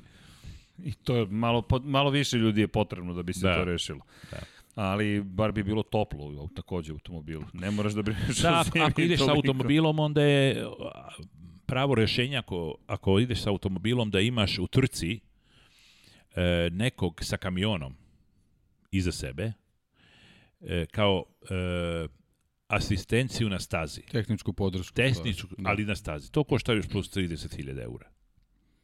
Znači, bilo, ako ti napraviš ugovor sa nekom ekipom, tamo sa Kamazom ili... Ne, ne, sa Kamazom ne da možda jer oni se takmiče jako. Ali recimo sa onim kamionima koji se voze recimo na 20. 30. mestu, napraviš neki ugovor, ako vidiš mene, to je moj startni broj, ako mi vidiš negde u Dinama da sam pao ili sam se prevrnuo, dođi iz... To je ta tehnička asistencija na stazi. Uh, nećemo te sad pitati ono čisto eto da da ispoštujem, ali ti ako hoćeš slobodno možda kažeš koliko bi koštao, koliko košta jedan Dakar tebe kao Gabora Saga majstera, a koliko koliko je puta razlike u odnosu na fabričke timove u onim glavnim kategorijama. To ne znam koliko košta sa fabričkim, to, to stvarno ne znam. E, znam koliko je ono vreme zarađivo recimo Markoma ili Cyril Depre kad je, voz, kad e, je vozio za fabrički tim za KTM-a Markoma, znam, znam, tamo sam plate koje su, ali sad koliko njih košta, to je fabrika, to stvarno ne znam. E, nije to nikakva tajna. Ako si ti totalno sam, ako si recimo u enduru ili u hard enduru, ne znam, takmičar ili motokrosista, i ako hoćeš, zavi, mnogo zavisi od toga da li imaš motor, ako nemaš motor, automatski neki motor što vredi, recimo nov motor, košta oko 35-40 hiljada eura. Možeš da kupiš i polovan, ispod 20 hiljada eura ne vredi kupiti motor što je na Rally Dakar, jer je to već onda potrošeno, on je star. Imaš e, kotizaciju što košta, dama Dakar legendama meni košta 14.800, ako sad prvi put ideš da Dakar košta 17.500 ili 800, ne znam tačno. Pa dobro, nije neki e, popust za, 7, za legend. Oko 7000 eura ti koštaju gume, asistencija, recimo, ako imaš mehaničara asistenciju, to je blizu 20.000 eura košta. Ja to nemam, zato što sam popio, ja sam u malim kategoriji. Tako da, imaš tu aviokart, imaš ti hotelske smeštaj, ovo, ono, delove, imaš ovu karticu za ktm imaš... Pa ja mislim da u dinarima ili u eurima da pričamo. Malo manje 100.000 eura treba ako baš ništa nemaš. Malo manje. Malo eto, manje. eto reper za one koji razmišljaju to. da, ali kao kad ja idem sad, to, to mnogo manje. Mnogo manje. Zašto? Zato što ja već sad trebam, znam jako dobro šta treba da kupim, šta ne treba da Kad prvi put ideš, drugi put, treći put, mnogo toga kupiš što ni ne treba tebi na reliju Dakar. Tebi ne treba tri čizme na reliju Dakar. Tebi ne treba pet naočara na reliju Dakar. Dovoljno svakog samo jedan. Eventualno da imaš za čizmu neke E, neke kopče u plusu, jer to može eventualno kad padeš da se slobi. Ili recimo da imaš rezervnu kacigu, to, to trebaš da imaš. Dobro, ja kad imam, ja imam pravu kacigu, jer rezervna kaciga mi je onako samo da završi posao. Recimo, i ovaj Rally Dakar sam završio sa jednim naočarima. Jedne naočare sam. Jednim, sa jednim rukavicama. Možete pogledati da imao sam ja tri rukavice, ali jednu, jednu rukavicu sam potrošio. Ja prava je to rukavica, ja ne kažem, ali To je domaćinska vožnja. Ne, ne, ne, ne, ne, ne, ne, treba tu... Mislim, možeš ti da trošiš, možeš svaki dan da se obučeš u novo, ali e, mi, e, mi u male moto kategoriji apsolutno ne razmišljamo o tome kako smo obučeni svako jutro. Nego samo da motor upali ujutro i da nekako da se donesemo do cilja i da, da završimo Reli Dakar. Izvini, ako spominješ jutro, gde spavate, kako spavate? Pa mi spavamo u šatoru. I? Mi spavamo u šatoru. Sam ga nameštaš sve Totalno sam. sam totalno sam nameštaš i šator, e, imam, e, imam ovaj, jedan jastuk, jedan mali jastuk, imam neku podlogu, nešto, to svaki dan naduvam, neki dušek, tako reći, imam vreću za spavanje, to sam još kupio u Nemačkoj pre, neku, neki vojnički, 2, 2 i 10 je dugačko, tako da je ta, super za mene, to je pravi, do minus 17 sigurno diktuje, to imam i nema ništa drugo, ja ne znam šta imam, ništa drugo. Imam, imam neke vitamine, Voda. Vodu, ne znam. Imam neke bonžite ako baš jako treba uveče. Tu imam u imam opremu kompletnu čizmu i to ja volim da, da spavam sa opremom da ne bi slučajno Neće niko da ukrade, ali ja volim da moja oprema bude u, u mom šatoru, eventualno ako pada kiša ali otkud ja pa znam. Krali su automobile, tako da. Da, da. svašta se desi. Ne, opremu, kom, komplet, opremu, komplet da. opremu imam u šatoru, tako da Šta imam kod sebe? Imam kod sebe, recimo, kad sam na specijali, imam par bonžita, imam, e, imam ovaj, e, datolja, ne znam kako se to zove. Da, nema veze. Urme. Urme. E, e to, da, to, urme. to imam kod sebe. Tri urme dnevno kažu, to je da, da. svakoga Ja sam četiri, pet koristio, da. tako da, da malo čokoladice pa, dobro, ti si neke. Dosta, da. Si trošio, da. E, imam Camelbag od 3 litre, imam nešto malo novca, samo toliko ako slučajno zbog goriva, ali to recimo 100 eura maksimum. E, imam jedan mobilni telefon, običan mobilni telefon, ne neki najobičniji Nokia, samo da ima dobar signal. To imam kod sebe, ali to je isključeno uvek, znači uključim onda ako ima neki problem, ali jako malo mest, i jako redko mogu da dobijem pravi signal da mi mogu da telefoniram. Inače imamo mi Sentinel, možemo preko motora da telefoniramo, imamo mi spravu, pritisnemo dugme i automatski to je satelitski povezano sa glavnim organizatorom Relija Dakar, to direktno čuješ Pariz. Ako imaš medicinski problem ili tehnički problem ili bilo kakav problem na Reliju Dakar, e, što ništa posebno mi nemamo kod sebe od, od alata, imam ispod sedišta neku kutiju, nisam ni izvadio ove godine, pravo da te kažem, ne znam šta je unutra, nisam morao jer motor je stvarno... Da, super, da. Znači imam, imam, jednu u kampu, imam, e, kad dođem uveče u bivak, imam jednu e, limenu, limenu veliku torbu, što dobijemo od organizatora, tu imam jednu kutiju alata, imam filtere za vazduh, filtere za ulje, imam neke sprejeve, brake cleanere, ne, sprej za lanac, ali jako malo koristimo sprej za lanac jer ne valja, u pustinji ne valja da koristiš sprej za lanac. Bolje promeniti lanac na recimo posle sedam dana, na danu odmora uvek promenim prednji, zadnji lančanik i lanac. Gume smo menjali, ja, recimo ja lično sam menjao svaki treći dan. Isključivo sam vozio Michelinom eh, Michelin Desert, to, je, to se najbolje pokazalo. Ne znam vezano za ishranu za ishranu, odmora. za ishranu doru, doručak, recimo doručkovo sam svako jutro, sa potpuno isto doručkovo. E, popio sam jednu kaficu, jednu dugačku kafu sa mlekom, e, e popio sam e, čokoladno mleko, pojeo sam jednu bananu, e, ujutru po, neki, neki misli, misli, to sam, to sam jeo, pa ni ne znam šta. I malo, eventualno, hleb sa, sa eurokremom ili sa nutelom, već ne znam šta smo tamo dobili, ništa posebno. Znači, ništa jaje ili tako, da, ne, da, da, da. ne, ne slanine ili ne, ne, ne, ne da, ujutru, ništa, da. znači, jer to u Dinama, iako je velika e, temperatura napolju, to, to ti se mučka sve u organizmu i to ne valja. Uveče onda je veče, onda ne biraš ništa onda kad je da, i da, meso da, da. i... Da. Direktno suprotno to preporukama. Da. Ujutro ne, pre, pre takmičenja nisam ništa posebno jeo.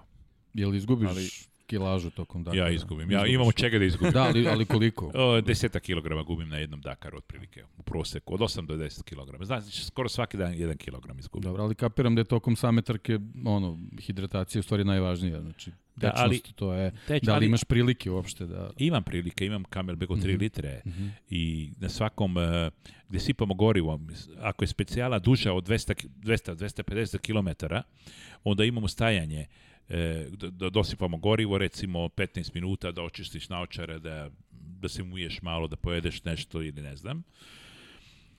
E, tako da, ali e, što je vrlo važno tu u Saudijskoj Arabiji, da mnogo manje trošiš tečnost nego recimo u Južnoj Americi. Vazduh je totalno drugačiji. Hladnije.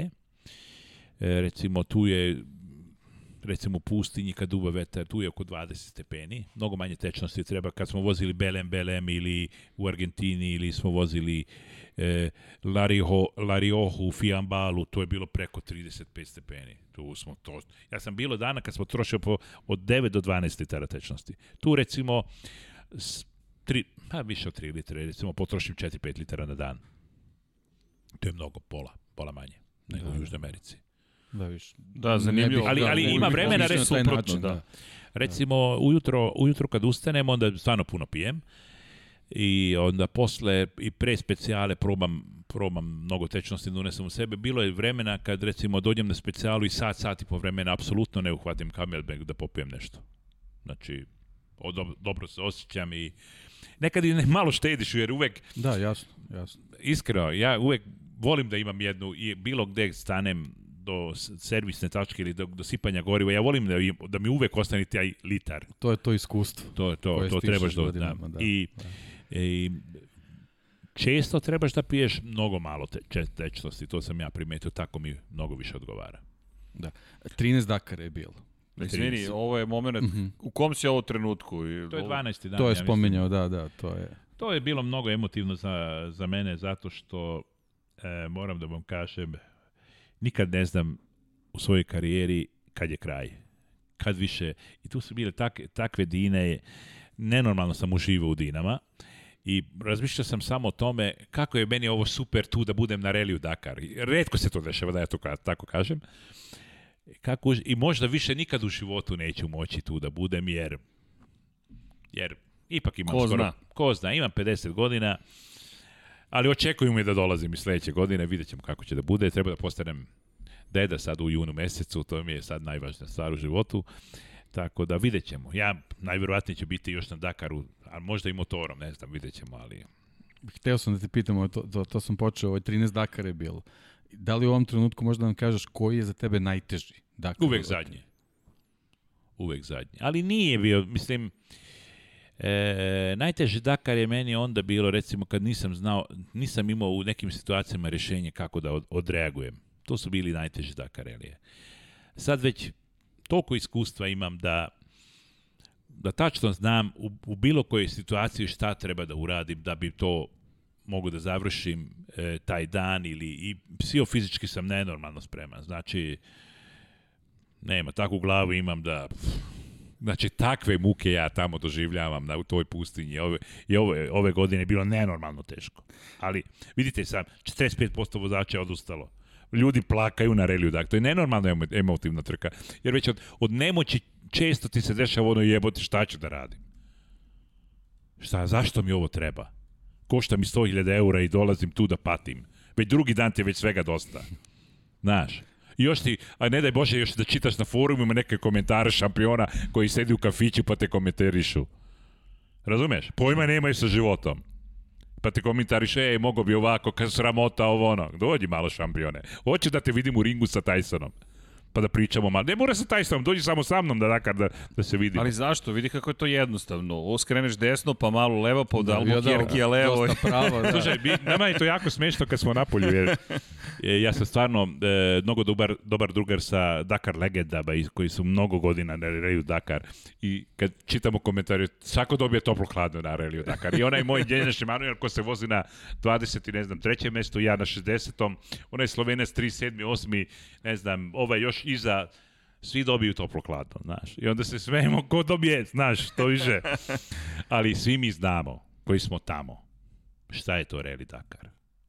I, I bilo kojeg takmičara koji je stigao do cilja na Reliju Dakar sa motorom, ne daj Bože ovoj najgojoj kategoriji što je male moto što mi sad vozimo. Skidam kapu, ja lično, kao Dakar legenda. To je jako velika stvar. A samo Reliju Dakar može taj da priča ko je doživeo to i došao do cilja, barem da jednom Reliju Dakar. Jer ima uvek, recimo u Južnoj Americi smo vozili 13-14 dana, sad vozimo recimo 12 dana. U, to je blizu 10.000 km uvek. Ne, računali smo pre, mislim, ne znam da li imaš tačnu računicu, računicu preko 100.000 km si samo na Dakaru pre. Da, preko, a takmičarski kilometar. Da, da, da, da. da. To, to je potpuno druga dimenzija, ali da. ima tu par stvari. Prvo, iz ovog studija vam uvek šaljemo, i to je ono što stalno pričamo, i svi koji prati, imaš puno pozdrava, baš imaš puno pozdrava, car, legenda, veliki pozdrav, itd., itd., mhm. itd. Mm I, I to je ono što stalno ponavljamo, e, znaš čemu se mi mnogo radujemo? Kada neko u Moto3 klasi osvoji prvi poen u, u karijeri, u, u svetskom prvenstvu. Da. To je 15. pozicija. Obično se ni ne vidi u kadru. Nama je to jedan od najljepših momenta, prvi poen. Sad zamisli tog nekog klinca, čoveka koliko god godina ima, šta je uložio? I onda negde se pojavi tvoje ime, jedan poen u svetskom prvenstvu. Da, to se ni ne da. vidi u generalnom plasmanu, ali to je jedan od najljepših trenutaka i to pokušavamo stalno da prenesemo i ovo što si sada rekao. To smo baš pričali. Ko završi Rally Dakar? mirno da stojimo svi da ja, da pozdravimo. Ja ti ozbiljno kažem, 15 puta ću da ti kažem, ja ne mogu da garantujem ni jednom sponzoru da ja na 15. Dakaru da ću, ili da, četem, da ću da dođem do cilja. Ne mogu da, otkud ja znam. Mogu da garantujem da ću doći do Saudijske Arabije. Ne, ja ću sve da uradim da, da dođem do... Ali ne mogu da garantujem, jer Eli Dakar je... Jedan kamen može da, da napravi takav, takvu blaju. To je kao u kružnim trkama, kaže ja ću ti budem sponsor, ti ćeš biti šampion. Da. E, Ko to može ne, da ne, ne, ne, Ko to može da Ti ćeš biti sponsor, ja ću da vozim, to je to otprilike. Ne. Ali to je jako dobro. Ali kad... to je onda sreća ako imaš ljude koji stoje uz tebe, koji ja hvala Bogu imam. Kad, kada Gabor kaže ja idem sledeće ja, godine, hvala kažu, Bogu imam i svaka, im, da. i svaka im čast i, i dobio sam i odmah po, telefonski poziv posle ove emisije, bila je Dakar reportaža sad u nedelju od pola pola tri na RTS dobio sam poziv Gabore, pogledali su ekipu, e, ovaj, emisiju što je Penjam Linković stvarno Perfekta emisija. Bio nam da je Peđa, da znaš, na četu. Poslao sam mu poruku preko Vibera da mm -hmm. spome poslao link, imaš puno, naravno, ti imaš posebne pozdrave i rekao sam Peđi, Peđa, mislim da i tvoju priču treba da čujemo u Lab 76, to, tako to da ćemo da zvati da znate. Peđu. Reli Dakar u Srbiji je Peđa Milinković i Gabor Sagmeister. To Peđa, Peđa naš kolega, on je da. radio u sportskom žurnalu do 95. Ja sam došao posle njega i dobio da radim Formulu 1 jer su mi rekli Peđa je otišao, nema ko da radi Formulu 1 ako hoćeš da radiš. Da. Tako da Peđa i tada već ostavio dubog trak. Ne, dubog trak, stvarno. 11 puta bio sa mnom na reliju Dakar. Prošle godine bila neka odbojka, pa nije mogao da bile su neke kvalifikacije, on ipak je novinar odbojke uglavnom. Naravno. To, to me na prvo mesto, to je sasvim u redu, otišao u, ja ne znam gde su bili u Španiji, već gde su bili i onda nije došao na Rally Dakar, ali, ali svake godine je tamo i, i, i treba znati, ove godine nismo imali asistenciju, znači asistencija mi bilo Pelja i Mark Zakinski zbog ovog covid -a. To treba da znate. Novinari. Novinari. Novinari. Srđane, čuješ? Da, da. Slušaj, novinari, novinari, novinari ove godine nisu ni mogli da budu e, na reliju Dakar ako nisu imali akreditaciju. Oni norm, naši normalni nisu imali. ali, ali su bili na Dakaru. Ali su bili na Dakaru. Tu je organizator napravio grešku, ali nema veze. Ovo niko nije čuo. Nije niko čuo. Slušaj, oni, ali pe, Peđa, Peđa i Marko Sakinski, mi smo izvranili jedan e, automobil, neki džip, neki mali džip od Hyundai-a, taj Tucson ili već kako zove, nije bitno. I oni su vozili, novinari su vozili da, svaki... Da, inače, e, izvinjam, setio sam se na Wikipediji, kad ukucaš Gabor Sagmajster, izlazi slika Gabor na motociklu, Peđa sedi iza njega. da. da. S kacigom. Da, da, Tako da ko ne zna ko je Peđa može to da vidi. Da, ne vidi se za kacige, ali... Ali, ali oni, su, oni su vozili taj Hyundai svaki dan do, do, do kraja specijale, svaki dan su bili tamo. Svaki im čast. Ne, ne, Peđa će doći isto u studiju ali, da ispriča i tu ali, priču. Ali čekaj, otkud ti znaš gde je kraj specijale? kad nemaš koordinate, kad nisi akreditovan. Ljudi moji, svaka im čast. Da. Ne, skidamo kapu, pe, peđe drugar. Da, ali, da video sam, ali trebaš da samo... da znaš. Da. Kraj specijale nije uvek pored autopita Beograd-Niš. Nego najverovatnije negde u, u nekoj maloj uličici u Balosavi. Da, da, da. Tako da to treba da znate. Da, da. A, jed, jedna od reportaže bila bio neki prilog na RTS-u, to sam video, mislim da je u dnevniku čak išla, ovaj, njega je zaprepastio koliko smeće bilo ovaj, u Saudijskoj Arabiji. A dobro ima, to je, to su da. Arapi, to, to ima. To da, ima kaže i, da je baš bilo... A to imaš da. i u Arabskim Emiratima, da se da. nalažemo. Imaš. Možda ma, imaš u manjim količinama, ali imaš. To je To ne možeš da, da. izbegneš. Da. Nenormalno su bogati, to je u redu, sve jako su e, pozitiv, jako imaju pozitivne energije, jako, jako lepo su nas prihvatili, sve je bilo naj, naj, naj, naj, naj. Ali nemaju vremena za to. Da. Dobro. Ali, ali treba biti realan. U Saudijskoj Arabiji jako duva vetar. I svugde je pustinja i svugde je pesak. Ni ne možeš ti to da održavaš e, e, recimo ulice kao što možeš u Sloveniji i u Austriji da održavaš. To, to stvarno ne možeš. Nema zelenila, nema, znaš, nema što sve prašina uvek leti. Da, li Peđa... Dobro, ali ti pošto nisi imao vremena da gledaš okolo, tako tebi je sve jedno. Pa ne, naviko sam ja, već sad već sam da. skoro deseti put bio u, u arapskim zemljama, tako naviko sam ja tu kulturu i to sve, tako da... Ali nemam ja puno s njima, ja sam na takmičenju, ja, even, jasno, ja jasno par stotina kilometara izlazim na, re, na magistralni put, recimo da samo da dođem do bivaka, do kampa, tako da inače sam ja negde unutar zemlje. Da, inače par stvari. Peđa, to smo rekli, mora da dođe, mora. Rekao je čovjek, nema problema, doći ću da čujemo njegovu priču. Rekli smo mu sad da budeš ti zvezda, ne da intervjuješ zvezde, da budeš novinar zvezda, tako da čekamo Peđu, da, da čujemo i tu de, taj deo priče i sve iz njegove perspektive šta se događalo. Druga stvar, mi nešto planiramo, rutu 76, ruta 66, mi smo izmislili rutu 76, Deki i ja smo to nešto mm -hmm. smislili, a tako da i Dakar ćemo pokriti. Ako budeš sledeće godine, evo mi ti obećamo, Lab 76 će bolje da isprati, Pa se nadam da ćemo se svako veče čuti da promovišemo. Da što dođemo tebe, na kafu jedno veče. Da, da. Ne, koga god. Ne, znaš kako, mi to gledamo kao zajednicu i ne, dali smo sebi za pravo, misija nam je da promovišemo automotosport. I sve da. ono što se postigle da se još više čuje za tebe. Da, Ti imaš, da. evo, ljubitelj u drugoj prostoriji, kada su čuli da dolaziš, ja, možemo da upoznamo Gabora, možete. Ali to su lepe stvari i to smo da. negde sebi dali baš za cilj. Tako da i Peđina priča i tvoja priča, pogotovo tvoja priča. Da. Mi skidamo kapu, mi smo jedva čekali, moram da ti priznam. Da, da, da. Pa I... to je specifično, da, Rally Dakar je to, to ko nije doživeo to, ja ne znam, To su, to su jako emotivne. Nenormalno emotivan sport. Da li te motiviše, izvini, da li te, to, sad, da s jedne strane rekao si, pročitaš nešto u sebi, jel te to motiviše istovremeno da kažeš, ok... Ne obraćaš više pažnju. Ne obraćaš ne. više, ignorišeš. Ma, apsolutno, pa šta? šta? Prvo i prvo te ne poznaje, piše svašta. Jer njemu se tako ćeftu, pa šta? dođe na motokros trku, e, ali ja ne moram više, ne zbog toga, ali ja stvarno ne moram mnogo da pričam o sebi. Ja sam... Mi ćemo. deset, deset medalje imam sa Relije Dakara. To je dovoljno, rečeno je. Ima 50 godina, koliko šampionskih titula, motocross tim, Sagmeister tim, desetostruki uzastosni šampion u motocrossu.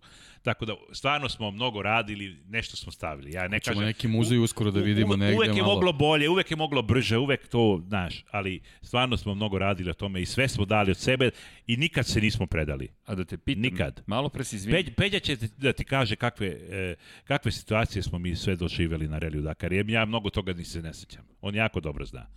Tako da nije to uvek med i mleko. Ali to sam htio da baš da te pitam. Malo pre si rekao dve e, sjajne stvari, kontradiktorne su. S jedne strane pričao si o onoj fotografiji koliko ti je ta fotografija, emotivna fotografija, gde Jesa. si uživao u tom trenutku, a istovremeno se pitaš da li ću Da li ću ponovo? Vanja, možemo da pogledamo tu fotografiju, molim te. Dakle, to je ta fotografija gde je taj, taj jedan trenutak, nekako smo slučajno i nju izabrali za, za, za, za, za, za, za fotografiju kojom smo najavili tvoj dolazak, ali pričaš o sreći, a istovremeno na Dekijevo pitanje koji ti je najteži, kažeš ovaj poslednji. Da. I taj miks emocije, meni je to fascinantno. Istovremeno si srećan, istovremeno ti je toliko teško. Da.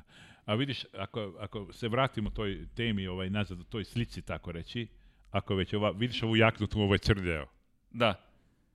Znači, napravio sam da dobijem vazduha. Samo malo vazduha. Da. Samo malo vazduha. Jer imam, otkopčao imam, si sve. Ot, otkopčao sam sve, vidiš, ono, ono 6-7 cm to. Jasno. Znači tu da, da diše organizam. Jasno. znači, ali znaš šta je tu vrlo interesantno ako... A i ako, ovo je zanimljiva slika. Da. Da.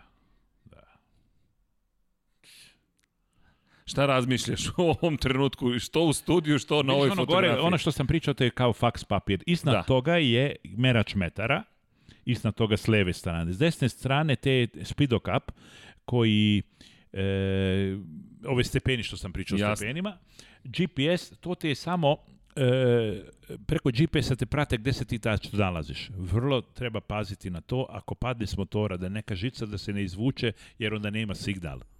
Onda, onda više puta su rekli e, Gabor je nestao u pustinji. Zamisli roditelji moji kući. Gabor je nestao u pustinji, nema ga, ne znamo šta je s njim. To kažem na televiziji, Strašno, da. uvučena da. na Eurosportu, a kaže, hvala Bogu, moja majka je ovaj, prethodno sam ja zvao telefonom, pa kaže, kako nestao, pa sad sam ga čuo pre pet minuta. Jer ona nije znala da, da e, glavni organizator glavni organizator nema nikakav signal o meni, znači on, yes. oni nisu znali da sam ja stigao do cilja i da sam stigao do kampa, nego kad sam stigao u kamp, onda su došli ovi iz RTF-a pa su napravili i popravili te, tu navigaciju, e, tu, taj GPS i te žice i onda dotli nije bilo signala o meni. Dobro, to je zastrašujuće, pogotovo što se dešavalo, to smo pričali, 80-ih, 70-ih, ljudi su zaista nestajali u pustinji. Yes. Tehnologija bila drugačija, uvek se koristila najmodernija, ali ljudi su bukvalno nikad nisu pronađeni. Ajde da vam odam neke tajne. Da. Budućim dakaristima. Budućim, da, da, da, da, da, da. za njih. Ovo, besplatni e, savjeti, slušajte. Da, to, to treba znati. Onda možeš dovoljno brzo da ideš motorom kad si 100% siguran da si na pravom putu. Ovo treba znati. Jasno to psihofizičko ti daje neku pozitivnu energiju da se ti dobro osjećaš, jer znaš da si na tom putu gde trebaš da ideš. Ako slučajno ti se desi da izgubiš, da ne, nisi 100% siguran, odmah stani. I dotle se vrati nazad, dotle si 100% bio siguran da si bio na dobrom putu. E to je tajna Dakarelija. Navigacije.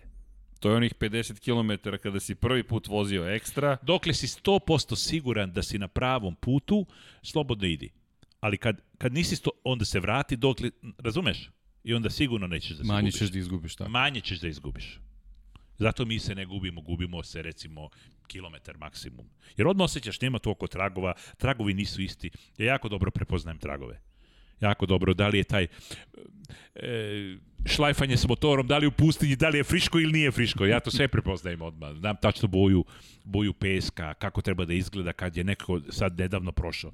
Ali ja kad dođe pustin, e, pustinska ululja, to se sve Ljudi, ne idite na Dakar ako ne pitate prvo legendu šta ne, treba da uradite. Mnogo toga, mnogo, mnogo iskustva imam stvarno i i nije nikakav problem da nađem pravu putanju da dođem do cilja i, i u mraku i u mraku.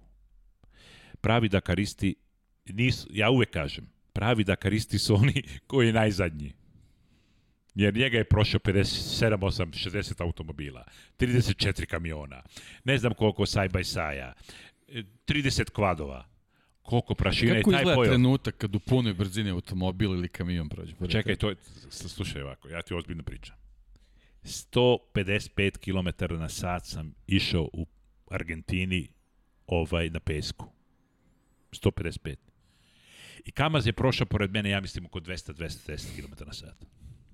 I samo čuješ on, ne znam koji vazduh štavi, i ovako, to je strašno. I imaju taj sistem u kamionima, to je vrlo interesantno, mnogi ne znaju da on, on ima amortizaciju, da on, on, on može da skače po dini. Znači da, da ne bi se zakopao, da ne bi se zakopao on iskače iz tog i, i tako ide gore na Dinamo. To je strašno. To je, Ozbiljna tehnologija. To, To je nenormalno ozbiljno. Ali treba znati, ovaj Kamaz ima asistenciju 80 ljudi. Oni imaju 10 ovih Volkswagen transportera, potpuno novih, gde su samo inženjeri, majstori, sve to koji ih prate. Pa to je, Rusija to pravi. Mislim, Rusija fina, Putin financira i onda da, to je da, sve. Da, Kamazov tim svojevremeno, ja ne znam sad da li je Putin, znam da je Medvedev pratio taj tim, da. ispraćao bukvalno u Moskvi na put za Dakar. To je državna priča. Da, da, da. to je, to, to je, projekat, jednostavno, da, državni da, projekat. To je, to je državni, državni projekat. projekat i ozbiljna propaganda za, yes. za, za tu njihovu priču. Yes. I industrija istorija je zaista stoji. Pa dobro, Kamaz, da. koliko se samo robna marka Kamaz, brand Pa ranije u jednom trenutku samo, samo DAF je nešto probao preko one, one porodice belgijske, da. ovaj, oni su nešto uspevali da pariraju, ali... Ne, ne, Kamaz je da. Kamaz. Da. Ali kad pogledaš Kamaz kamion, deluje naj najsiromašnije, najobičnije, kao u ladu kad gledaš u suštini, ozbiljno ti kažem ono sve, sve u gvožđu, sve u... Dobro, to je to sve dobro izbrendirano. Ali, ali sve ono ako Vidi se da je... Rudimentirano. Da, jeste. Ali radi. Radi. Radi. radi. radi. E, jedno od pitanja, izvini, bilo je s početka nikako da, da iskoristim priliku, ali pitanje je bilo za pesak, pa je to zanimljivo i za, i za automobile, i za kvadove, i za motore, i za automobile, i za, za sve praktično. Kako se boriš sa peskom, sa, sa, sa opremom, sa delom, sa motociklom, kako utiče? Filteri. Kako, filteri, uopšte, kako, kako, je to sam pri, je toliko dugo, ima to iskustva da to radi ili, ili da? Da, kako se borim sa peskom? Ja, ja uživam u pesku, to mi je... Eto odgovora, ja naj, naj, najviše volim kad je pesak, pa ja sam rođen gore u Kelebijskoj pešćari, tako reći. Da, da ja, pa kad je domaći pesak, pa teren. Pa, ja, domaći teren, apsolutno domaći teren. I ja sam mnogo trenirao na Balatonu u Mađarskoj, pored jezera, tamo je isto. Vozio sam mnogo motokros trka u Mađarskoj, tako da to je dosta često bila peska, znači mnogo stabilno se osjećam u pesku, znači te, pesak je moj teren, znači ja nisam rođen na Koponiku, ili u, i u Brusu, ili ne znam gde, gde je kamen. Ja sam rođen, gde je pesak? Pisak, pisak kako se kod, kaže. I to je uživanje. To je uživanje, to je uživanje, ali zato i ne, e, zato i ne duvamo lanac sa sprejom. Dobro, to je iskustvo. Da. Ali spomenuo si taj pesak u Atakami. Atakame... Nije, ima tri vrste peska, nije sve jedno to. koji pesak. Ima žuti pesak, beli pesak, e, imaš i taj crveni pesak, imaš i recimo onaj crni što imaš u San Juanu u, u recimo u Argentini. To je kao mak. Da. Ne znam da li ste videli to. Kao mak. Uživo ne. Kao mak, takav je. Ali je li ima razlike u, u vožnji? I, ima razlika, kako da ne. Ovaj, ovaj klasični pesak što mi imamo tu u Srbiji, taj žuti pesak, tako reći, to je najstabilniji pesak. Tu gume dobro ima dobar grip i tamo se dobro, sa, sasvim stabilno se osjećaš. Imaš pesak, recimo, u Saudijskoj Arabiji, tu je najnezgodniji, zato što e, tu je uvek hladnije, recimo u pustinji i imaš jedan sloj kao na krempiti što onaj malo tvrđi gornji deo i to je kao led. Znači, ne središ da naglo da praviš pokrete u, u toj pustinji, jer možeš da isklizaš lako s motorom kao na klizalištu. Nego moraš da imaš konstantan grip sa gumama da bi taj gornji deo potroši ili već ne znam, da bi ušla guma u pravi pesak, da ima pravi grip. Dobro, to je... To je klizavo. Znaš kako je klizavo? I kad padneš kao da se pao na asfalt, na beton. A to je problem. I koliko puta padneš tokom jednog relija? Sad. A to je... Ne pademo mi sad, e, kad je veća brzina, mi padamo uglavnom u dinama, u, u pesku gde su male brzine. Ili pademo kad je nešto isušena reka u, u ne znam, bacite neki kamen bez veze pa pade s motora, nisu to velike brzine. Recimo ove godine se pao jednom sa maksimalnom brzinom, recimo 60-70 km na sat. Tu sam udao i rebro, to je bilo, ja mislim, sedmi ili osmi dan. Tu sam baš, udario sam se dosta, ali sad ove godine smo imali na reliju Dakar, što je vrlo zanimljivo, nikad nismo imali airbag. Sad mi imamo airbag jaknu. Airbag prst, prsluk. I Ona sad obavezna? Obavezna. Obavezna. Na tehničkom pregledu ne možeš da prođeš ako to nemaš. E, to ima ovaj dva patrona i e, ima GPS unutar, vrlo ozbiljna ljakna. Ja sam uzeo od, od, e, iz jedne, francuske firme, nisam uzeo Alpin Stars, jer nisam im u toj veličini, fabrički, pa nisu hteli posebno da mi šiju, pa su ovi francuzi posebno da mi napravili. I ovaj, e, to je jako dobra stvar, ima GPS unutra i ne znam kako to već, kako tačno funkcioniš, ali ako ideš 20 ili 25 km sat, ako e, ako padneš, automatski se Pa naduvaš. to je već u Moto Grand Prix. Da, da to sam ih htio da spomenem. Da, da. Automatski se naduvaš i posle minutu ff, pusti se dole. I ostane još jedna patrona. Ne, ne ostaje. O, potroše se obe u tom trenutku. Po, po, da. ali ja nisam napunio, recimo, ali imaš kod sebe e, dva komada rezervnih, ali ja nisam napunio jer imao sam još 30 km do, do cilja i onda sam malo pazio pa sam došao, pa kad sam došao u kamp u bivak onda sam to napunio, tako da, ali to je super stvar super stvar. Dobro, to je ozbiljno iz perspektive bezbednosti. Znači. Ne, ne, ne, jako dobra stvar. Imaš malo, malo si sigurniji na motoru. Znaš, neće ti pomoći kad padneš na neku stenu, 100% neće da ti spasti život, ali, ali osjeća se sigurnije na motoru. Dobro. I, I dobro greje, dobro greje kad je hladno, super. dodatni sloj. Da, dodatni sloj, super je, super. I komotanje i laganje i sve je super. Stvarno su dobro napravili. Dobre stvari. Sjajno. E, izvini da te pitam, to si spo... negdje smo to izostavili, ali kad ustaješ, u koliko sati se probudiš, kad, kad počinješ, kad ležeš da spavaš? e, ovako, e, svako veče je da briefingu, imaš briefing svako veče oko 8 sati je to u, u recimo kampu, u bivaku E, onda saznaš tačno vreme kad će sledeći dan ujutro da kreneš iz kampa ne sa spe, na specijalu, nego iz kampa. Ja otprilike uvek dva sata ranije ustajem, da imam malo vremena da se rastegnem, da imam da odem do toaleta, mirno da doručkujem, da popujem jutarnju kaficu. Ja sam malo stari, malo teži. Ja, ja, meni malo duže vremena treba da lepo da se obučem. Ja jako pazim kako se obučem. Ne, znači, apsolutno, to mi je najvažnija stvar ujutro, da svaki štitnik, svaki e, stabilizator kolena, znači rukavice, sve čizme da bude čarapa da ne bude slučajno zgužvana u čizmi, jer to ti sve pravi žuljeve. I tebi žulj na 700 km ili 750, 800, 900, zavisi koje ti kad dođeš uveče, ti si gotov. A nije ti dobro kad kupiš nove čizme za hodanje, a kamoli Čekaj, kada voziš dan. motor. Trebaš da razmišljaš o tome da si ti na motoru od ujutro od 5 do 7 uveče svaki dan. U najboljem slučaju do 6 uveče. Znači ti si 12 do 15 sati na motoru svaki dan i automatski kad dobiješ plik, to se probuši, e, uđe pesak, prašina, sve, sve, sve, znoj, i gotovo. Dobro, znači realno pre 10 uveče ti ne možeš da... E, pre, sad ću te da kažem, e, ranije malo. E, dođem, dođem recimo oko 6, 7, sat, sat i po napravim servis, to je recimo do 9 gotovo, odim na već, pa pola 10 recimo samo u krevetu. U krevetu. U šatoru. U šatoru je od pola 10 do recimo do pola četiri spavam. 3.20 sam navukao sad uvek. Tako da, ustaješ. Da. Odmoran, Dobro, spreman, odmoran, oran. Dobro, spreman si za unuke da. kad stignu, da. možeš... Da... U, ustaneš i ovaj... Puno smo pili magnezijuma da ne budemo, jer ja imam, znam da imam ozbiljne grčeve posle takvog napora. To me spasilo i pili smo neke vitamina, ništa posebno. To, ništa kao što sam rekao i Božite, to nam znači slatko to je vrlo važno. Ima šator recimo, to je šator za dve osobe, nije to neki veliki šator.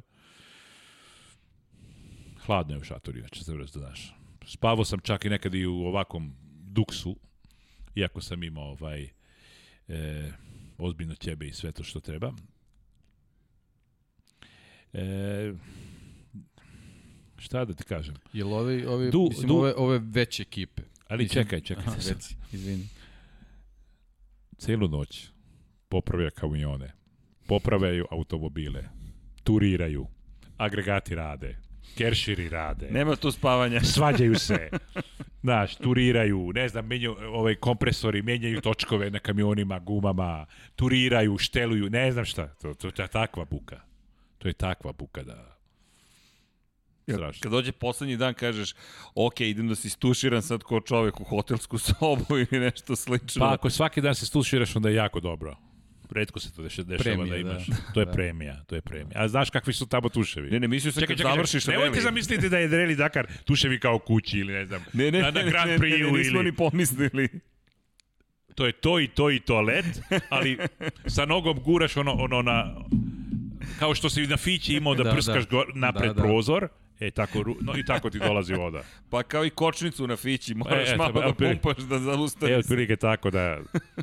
I normalno, ili ti je vrela voda ili je hladna, ono, ono među nema. Je li isto za vas iz ove vrhunske za svakog, ekipe? Za svakog, tako, to je, to je, svakog, to je standard. Za svakog, da. I da. još ove godine, baš zato, zato što je bila korona, pa nije Alatija hodleteo helikopterom ili Carlos Sainz, nego svi smo bili u bivaku zbog korone, tako da svi smo tamo bili u toletu i tuširanju. I... Je bilo nekih velikih ograničenja ove godine? Ali si primetio nešto? Ali... Nisam, ne, cijelo vreme smo bili u kampu. Da. Recimo, to je bilo, men, e, sem, e, kad je slobodan dan, posle sedmog dana ili šestog dana, zavisi koliko traje reli, 14 ili 12 dana, uh, na slobodnom danu sam ja uvek sa Peđom i sa e, televizijskom e-, ekipom izašao u grad malo da, da vidimo kulturu, kako, da, jednu dobru večeru, samo da te kažem, dobro da, da. se najedem kao, kao čovek, da to popijem po pivu ili nešto, ali sad toga nije bilo. Sad smo i na slobodnom danu bili i u, u bivaku, tako da...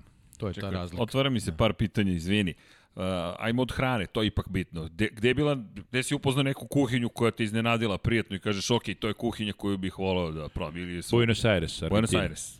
Znači, to je Trebali Mike... smo se kladimo šta će da kaže. Ne, a ja Buenos... znam da bi pogodili. Ja sam Peru mislio, ne, moram da ne, ne, ne, ne, ne, ne, Buenos Argentina, to je majka, majka Južne Amerike, Buenos Aires, to je pravi grad, to, ja ne znam.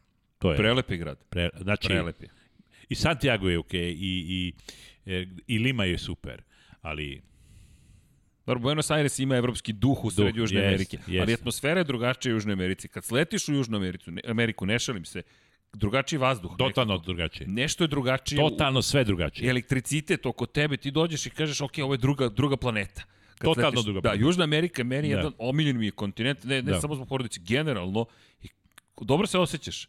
Baš da. nekako da. se dobro osjećaš. I, I, super. I stvarno osjećaš da nisi kući. Da, da. si na drugom svetu. Znači, da, ne na drugom svetu, nego na drugoj planeti, tako reći. Tako Jest. se osjećaš. Jeste, ali a šta ti se najviše dopalo u, u ishrani u Buenos Airesu? Pošto tamo biftek kao ovde, lokalni specialiteti, gde god uđeš naći ćeš dobar biftek, to ne možeš da pa probaš. Pa biftek smo uglavnom jeli. To je to. To je to. to, to je to. Čimičuri, da, čimičuri da, da. u sto, dobro. Galvazo, vi, ovaj, pivo smo pili, tako da bi bilo, bilo je super, volim, Volim Južnu Ameriku stvarno. da, ne. I to, i to baš, baš Argentinu.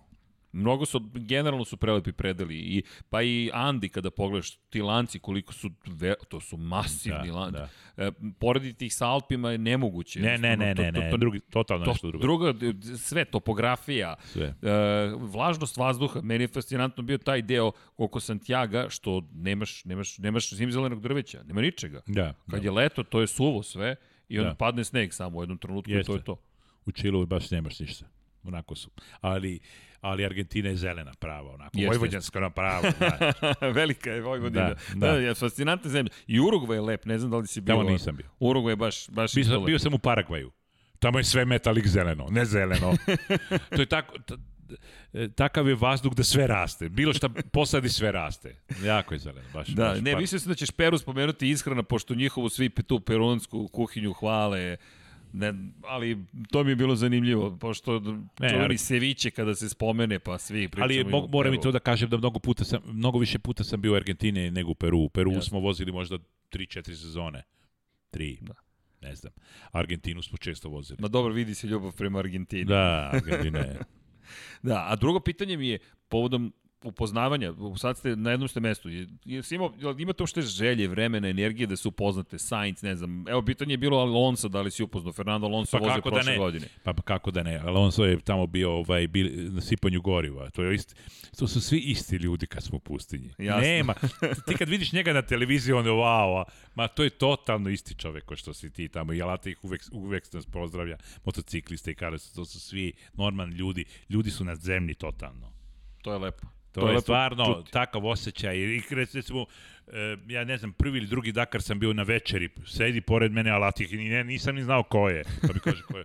Znaš, i onda posle. Ja sam njega upoznao na, na Sardini reliju. Mm -hmm. ovo, I zaista, ovo što ne, pričaš, takavi, identičan utisak, likovi. neverovatno. On je čovek kad vidi objektiv ka sebi, ja on vidiš kako hoće da sarađuje da. sa novinarom. Stvarno da. je sjaj, sjajna osoba, ali generalno realisti, mislim ja ja sam ovaj bio u tom nekom verzi krugu, to su ljudi ujutro doručak u hotelu, onako slobodno mesto da. pored tebe, izvinim, mogu da sednem, jako sednem. su pažljivi. Do, da, da, da. Jako su Postoje neki zvezde, pravi uvek, su emotivci. da. Ozbiljno ti da. kažem, da. ovi reli re, pravi jer mnogo mnogo puta si sam.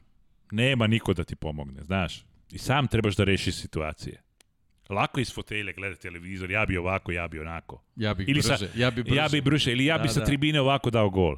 Treba biti tamo sam, sam doneseš prave odluke i to je zato interesantan Rally Dakar. Da, to je fascinantno, jer ti jeste posebna priča. I bilo je da pitanje kako Rally Dakar, e, a vozi su u Saudijskoj Arabiji, Dakar je postao sinonim prosto za tu vrstu takmičenja. To je, Dakar je brend. Tako je, to je robna marka, to, bukvalno. To je robna marka, Dakar je brend, Dakar je inače glavni grad Senegala, uh, to je Dakar je sad brand. Tako da on, ako ćemo da vozimo, recimo, možda će da se prebaci, ne znam, u, u, u kako, kod ovog, Sovjetski savez ili u Kinu ili već ne znam gde. Da, dobro, to će biti, da. ok, i, ima, Rusi, ima, Rusi, ima prostranstva gde da, može da se vozi. Da, da, da. Tako da, ima šanse, možda će da prebace malo, jedan deo će prebaciti u Arapske Emirate, pa jedan deo će biti, ne znam, u Jemenu ili u Jordanu, zavisi. Da, to je sve stvar ugovora. To... Da, To sad da, pričalo se svašta, da pričalo se svašta. Da, da će Generalno biti... finansijski moment je tu sad naj, najvažniji posebno u ovim trenucima. Tu, tu je i Bahrain, da. mnogo bogata da. zemlja, tu je i Jordan gde možeš da napraviš dobre staze. Dobro, Saudijska Arabija je tu najveća zemlja površinski, pa tu možeš da napraviš krug od 7-8-10 hiljada kilometara, mnogo lako. Dobro, investira mnogo. Kada pogledaš, Džeda će da, biti svim, domaćin. Svim da, u, u svim disciplinama. Da. Formula 1 da. ove godine, to su, to su ozbiljne investicije. I jeste, i promocija, i marketing, ali prosto budimo realni. Pogotovo što ti kažeš, deki, u COVID-19, ovoj situaciji u kojoj se nalazimo, gde je veliko pitanje, mnoge trke se otkazuju. Da, pa evo, juče je vest, Brno definitivno neće da, biti motogram pri kalendaru. Pričali, jednostavno da. ne mogu da ispoštuju odluku da moraju da promene asfalt na stazi. Prošle godine nije bilo, on ima 150.000 gledalaca, da. taj novac se nije slio prošle godine i oni su rekli jednostavno ne možemo da asfaltiramo i nema ih ove godine u kalendaru. To A, je dobro, to bi da. trebala da. Češka da pomogne. Nije da. to sad. Ima tu, da, da ima da, ali, to je politika, da. I jasno, ali jednostavno staza sama kao takva organizator ne može to da, da izgura i jednostavno ih nema, nažalost. Eto, to je, to je jedno od vesti s kojim smo trebali sad yes. da, se, da se bavimo. Pa i, i jedno ali, od vesti, evo, da. lepih vesti da. povedom Dakara, I Toby Price je postao vitez zapravo australijski, to jest eh, dobio je orden Australije kao priznanje za dve pobede na Dakaru kao motociklista, što Jeste. je po našem mišljenju, verujem da govorimo naše, svi, ime svih nas, velika stvar. To je priznanje, ozbiljno priznanje u Australiji. Jeste. Pa možemo reći u Commonwealthu generalno i to je lepo videti. Da, da. To... Dobro, e, Toby Price je faca kao kad njega vidiš ovako, kad prave pojava. To je momak od E, moje visine, na 190, visok je do 105, 110 kg, možda težak, ono pravi onaj australijanac, onaj, onaj, pa on je vozio sa, sa stabilizatorom ruke, slom, sa slomljenom e, rukom da, da. je vozio, e, pobedio na Dakar reliju prošle i pretprošle godine. Ja sam četiri dana vozio sa slomljenom šakom na reliju Dakar. Četiri dana. I? Prvi dan, stigao sam do cilja. E, prvi Dakar sam vozio sedam, e, se, e, prvi Dakar sam vozio, vozio sa tri slomljena rebra sedam dana tako da i treba da znate da ja nemam u desnoj nozi ukršten ligament. Nisam operisao. Znači, desna noga mi je To je, ili, ili. to je informacija za onih da, da, znači, da, da, ili, ili. Da, pa vidiš kako sam dolazio da, da, na stepeništu kako idem. Da, Moram... Da. Ali si na motoru. Da. Moram jako da pazim gde stavim nogu, stvarno, jer može uvek da iskoči koleno ali si na motoru. Ali sam na motoru, da. Da, okej, okay, čisto. jedno, jedno je sigurno, kada si motociklista, ključna kost, manjak ligamenata. Ne, tu ima ne, sedam šarafa. Problema. Tu ima 7 šarafa, tu ima 5 šarafa, tako da sam sastavljen. Kažem, redom. to su informacije za onih s fotelju, momci, da, čisto, da, da, da, da znaju šta tu ima. Da, nije to da. baš tako jednostavno. Da, da, da. Apsolutno nije jednostavno. Ne, ne, ne, ne, da nije jednostavno, ali, ali to je taj test izdržljivosti. To je ono što smo pitali na početku, šta je Dakar? Šta je Dakar? Gde, gde ga svrstati? Lepo si rekao, bio je rally, sada je nešto drugo, ali Totalno, uvek mora... Totalno, sad je Survivor, tako da... Da, je već... izazov avantura, da. to je... Trka avantura. Tako da... Delo mi da ti nedostaje ovaj trka moment. Da. Da ti da. to najviše... To, da. Jer, kažem, tu nismo imali neke velike prosečne brzine, tehnički smo se dobro vozili, ali ali ipak fali, fali te Argentine, fali te Južne Amerike, fali te reli staze, one prave, prave krivine gde ideš sa 110, 120, pa kočiš 150, pa lakat krivina, pa znaš, to fali, ali dobro. Inače vole, u Južnoj Americi zaista vole automotosport. Generalno. Pa pravi skokovi na, na, na pravi hupseri na stazi, to Znaš, ja sam imao pak motokrosa. Iz motokrosa, to, to. o, ja na hupserima ili na malim dinama, ja skačem, to je, to je pravo uživancije, znaš. To je falilo tu malo, ali dobro. Dobro, pa polako uče, pa vidjet ćemo kako će se dalje razvijati. Ali da ja mislim da će još ovih, ja mislim da imaju ugovor još tri godine, ostaće tu u Saudijskoj Arabiji. Sad e, svaka godina traže od nas da napravimo presek, kako smo, da li smo uživali, šta nam smeta na Rally Dakar. To sam htio da te pitam, koliko feedback traže od vas? Da, od, da, svake godine ja napravim neki spisak, šta mi se svi, ja iskreno pričam i tamo čak i Kasteri sam rekao da pretežak je ovaj Dakar, nemoj da praviš ovako, dosta takmičara ćemo izgubiti, neće želeti da dođe. 45% takmičara smo izgubili tokom takmičenja. I oni su platili kotizaciju, oni su potrošili skoro 100.000 eura i možda su išli dva dana, znaš. Da. Ja sam ispao jednom posle 29 km, znam taj osjećaj. Da. Motor mi stao.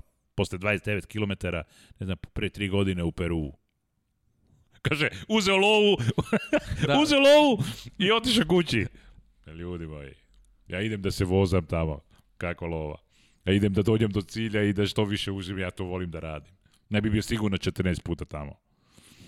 Tako da, za zaribao motor odma nešto, mehaničari su to nešto pokvarili, ne pokvarili, ne, mehaničari nešto nisu dobro uradili, pa je motor odmah zaribao, u, to je bilo u e, pored Lime u Pisco, Pisco mesto u Peru.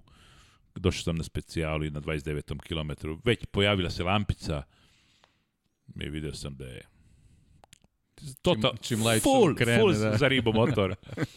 I sećam se, zvao sam eh, mlađeg sinenja motokrosista Richarda i zvao sam, kaže daj popravi, kako da te popravim, sve je za ribu. Kaže gotovo, kažem gotovo. Javi društvenim mrežava, gotovo, Gabor više nije na Dakaru. Odmah prvim avionom se letio nazad za Srbiju i to se dobro, ali posle, normalno. To su videli sponzori, videli su svi da je tu taj motor.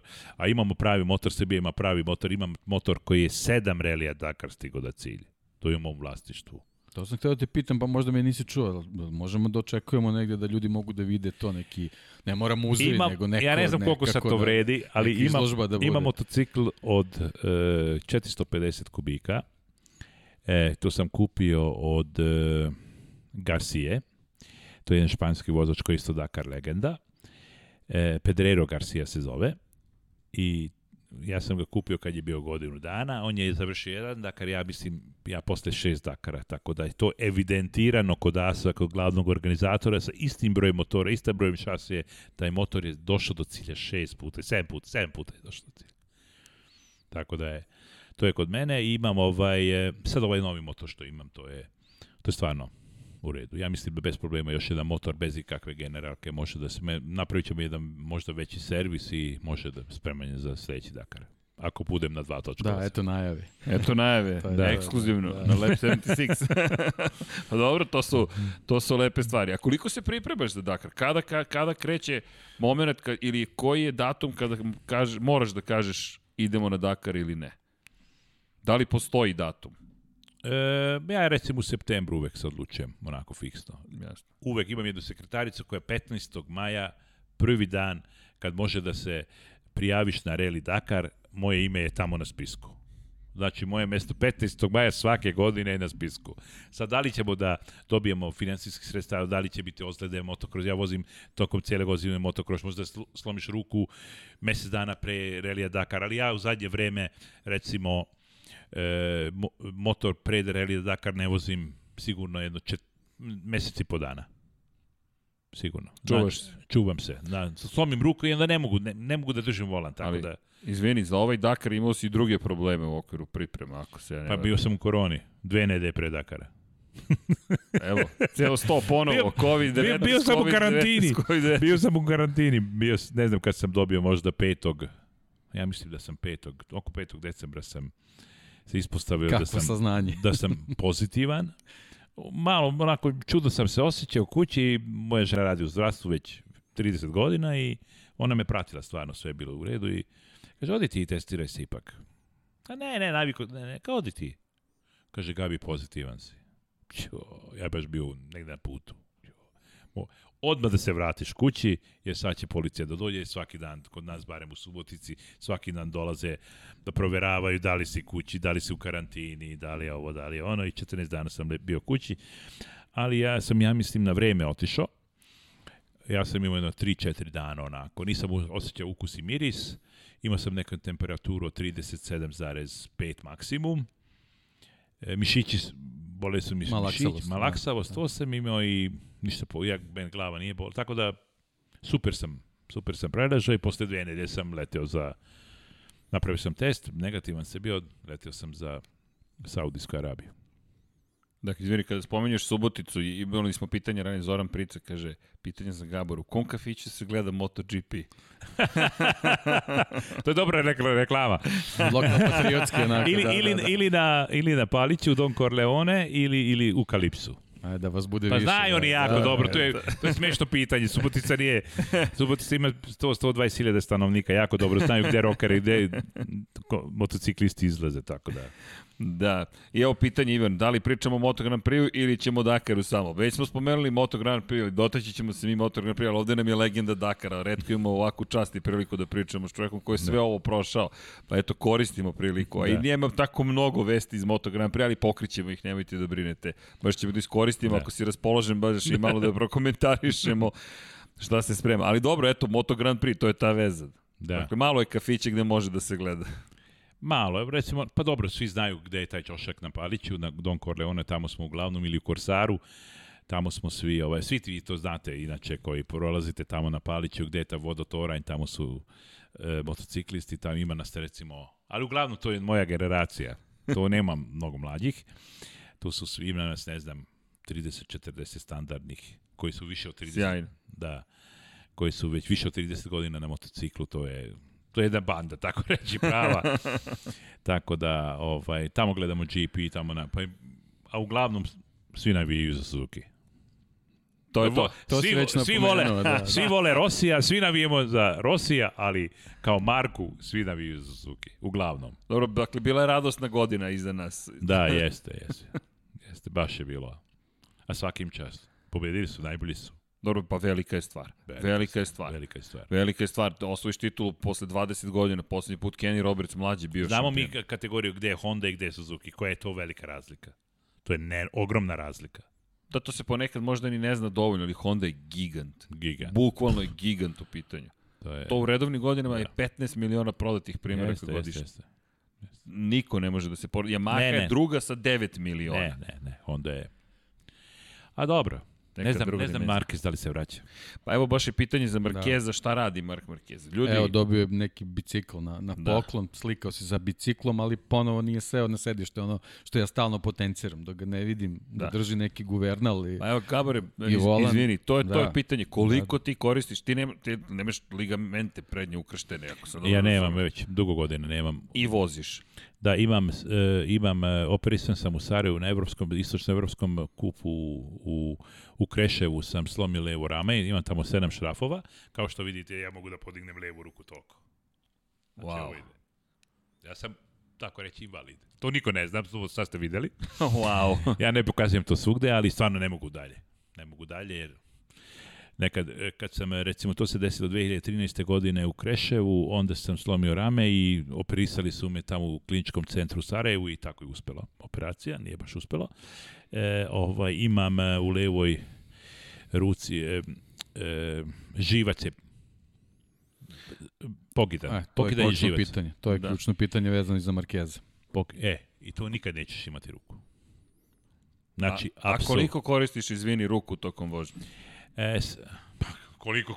Pa koliko... A to, to. Pa, pa to, to, pa to. slabija mi je re, Bez noge da. možeš da, da nekako Recimo, funkcionišeš. Bio bi hendikap, i ovako sam hendikepiran na neki način, ali da sam imao problem sa desnom rukom, to je već, jer tu je gaz, tu je ovo, znaš. To je ono čemu smo pričali. Da. I ali ja sam, ja sam imao jako veliki problem, jer ja sam bio totalno full invalid. Totalni invalid sam bio kad sam došao iz Sarajeva kući e, i onda ja četiri ili pet meseci sam išao svaki dan tri, četiri puta na rehabilitaciju. Ovo što ja sad mogu iz zaleta da podignem ruku ovako, e, to nije, e, znači glava ti daje signal za, za, za živac da bi pokrenu, za pokret, za da, pokret da. ali ja to nemam. Ja to nemam. Ovo sve što sam ja uradio, to sam ja uradio na rehabilitaciji. Svi, svi mišići su e, ojačani, tako reći, I da zato da bi pokrivili da, nedostatak. Da, da, jasno. Da nedostatak. Ti kompenzuješ zapravo drugim mišićima. Jeste, jeste. Da, to, to je... Da, ko... Bila prva godina, kada recimo 2013. godine, 2014. godine sam otišao na Rally Dakar, tako izlomljen sam napravio najbolji rezultat u karijeri. Onda sam bio 53. u ukupnom plasmanu. Bio sam 20. ne znam, u, u svojoj kategoriji. Ovo, ovako sam vozio Rally Dakar. Uhvatiš volani.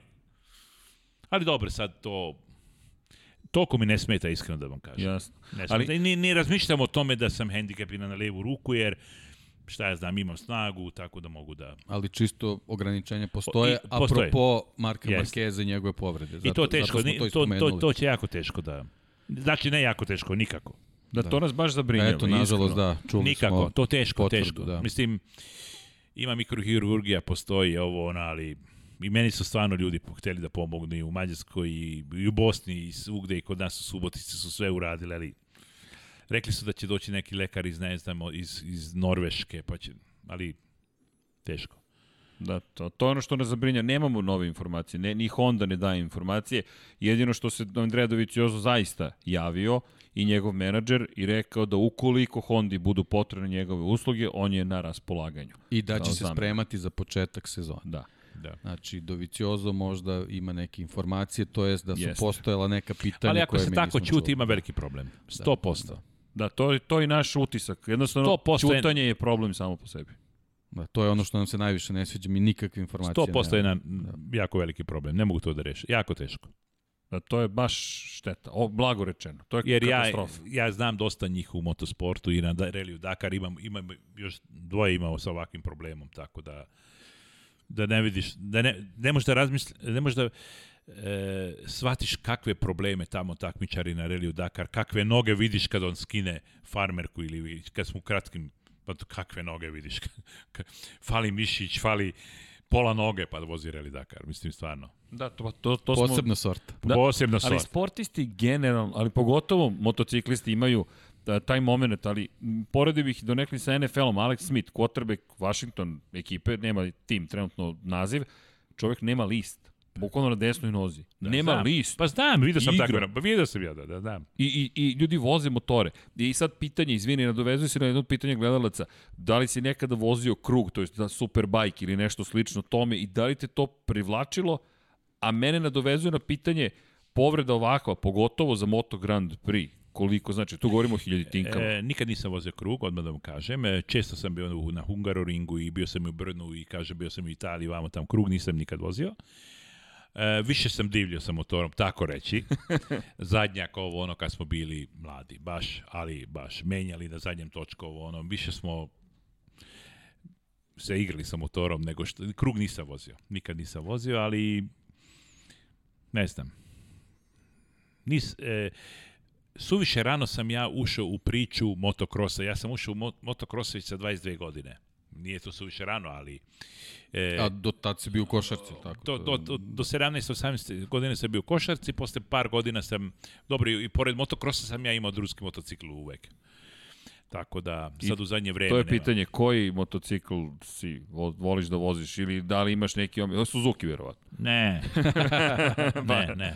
ne koji motocikl ona i motocikl, e, recimo... Pa vidi, ono što je nabrojao, to je impozantno. da. Već je vozio. Moja generacija uglavnom kupuju GS-a 1200. Svi mi to znamo. Kad odemo na put, 80% motocikle su GS. Ja ne bih kupio GS. E, ja bih kupio KTM 1290 Super Adventure. A zato što sam takmičar. Ako, kao takmičar, ako to gledaš, To je totalno drugačiji motocikl nego što je... To ovaj... nije cruiser, da. da. To da. je... Nema krstarenja. A dobro, KTM je uvek pravljen da, za da, trkanje. Uvek da. ima u sebi trkanje. Kečkemet Kotor, 7 sati. ok. Dobro. Dobro. I sve sam rekao. Čekaj, ja sad... Pogledaj, Kečkemet Kotor, 7 sati. ok.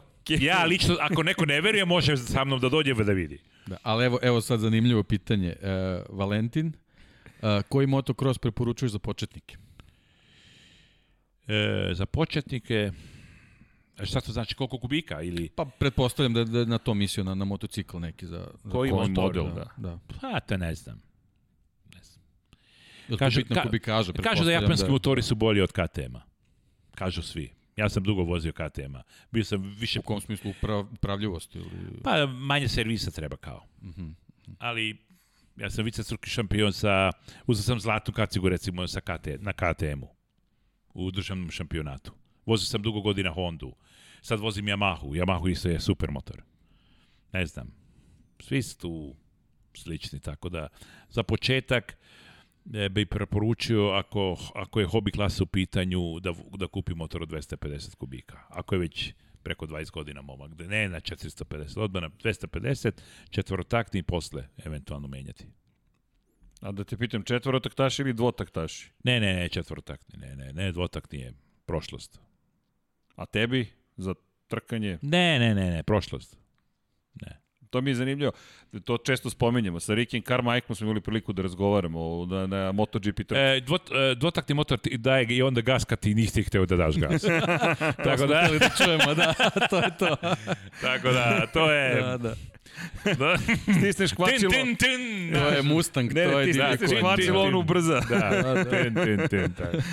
da. da. Četvorotakti to je stabilni, znači pustiš gasom, automatski koči, tako da je to Da, nego drugače. zanimljivo je zato što Ricky Carmichael, koji je legenda motokrosa, pitanje isto bilo dvotakni ili četvorotakni? Uvijek četvorotakni. Zašto? Obrtni moment. Da, obrtni da, moment. Da, On je samo rekao, veruj mi to. Najstabilniji motor je, znaš, mislim, Jeste da je mnogo jeftinije. Tu trebaš da promeniš klip i klipnjaču i voziš dalje, ali nemaš ventile, nemaš ovo, ali četvorotakni motor je onako stabilni, za moj pojam.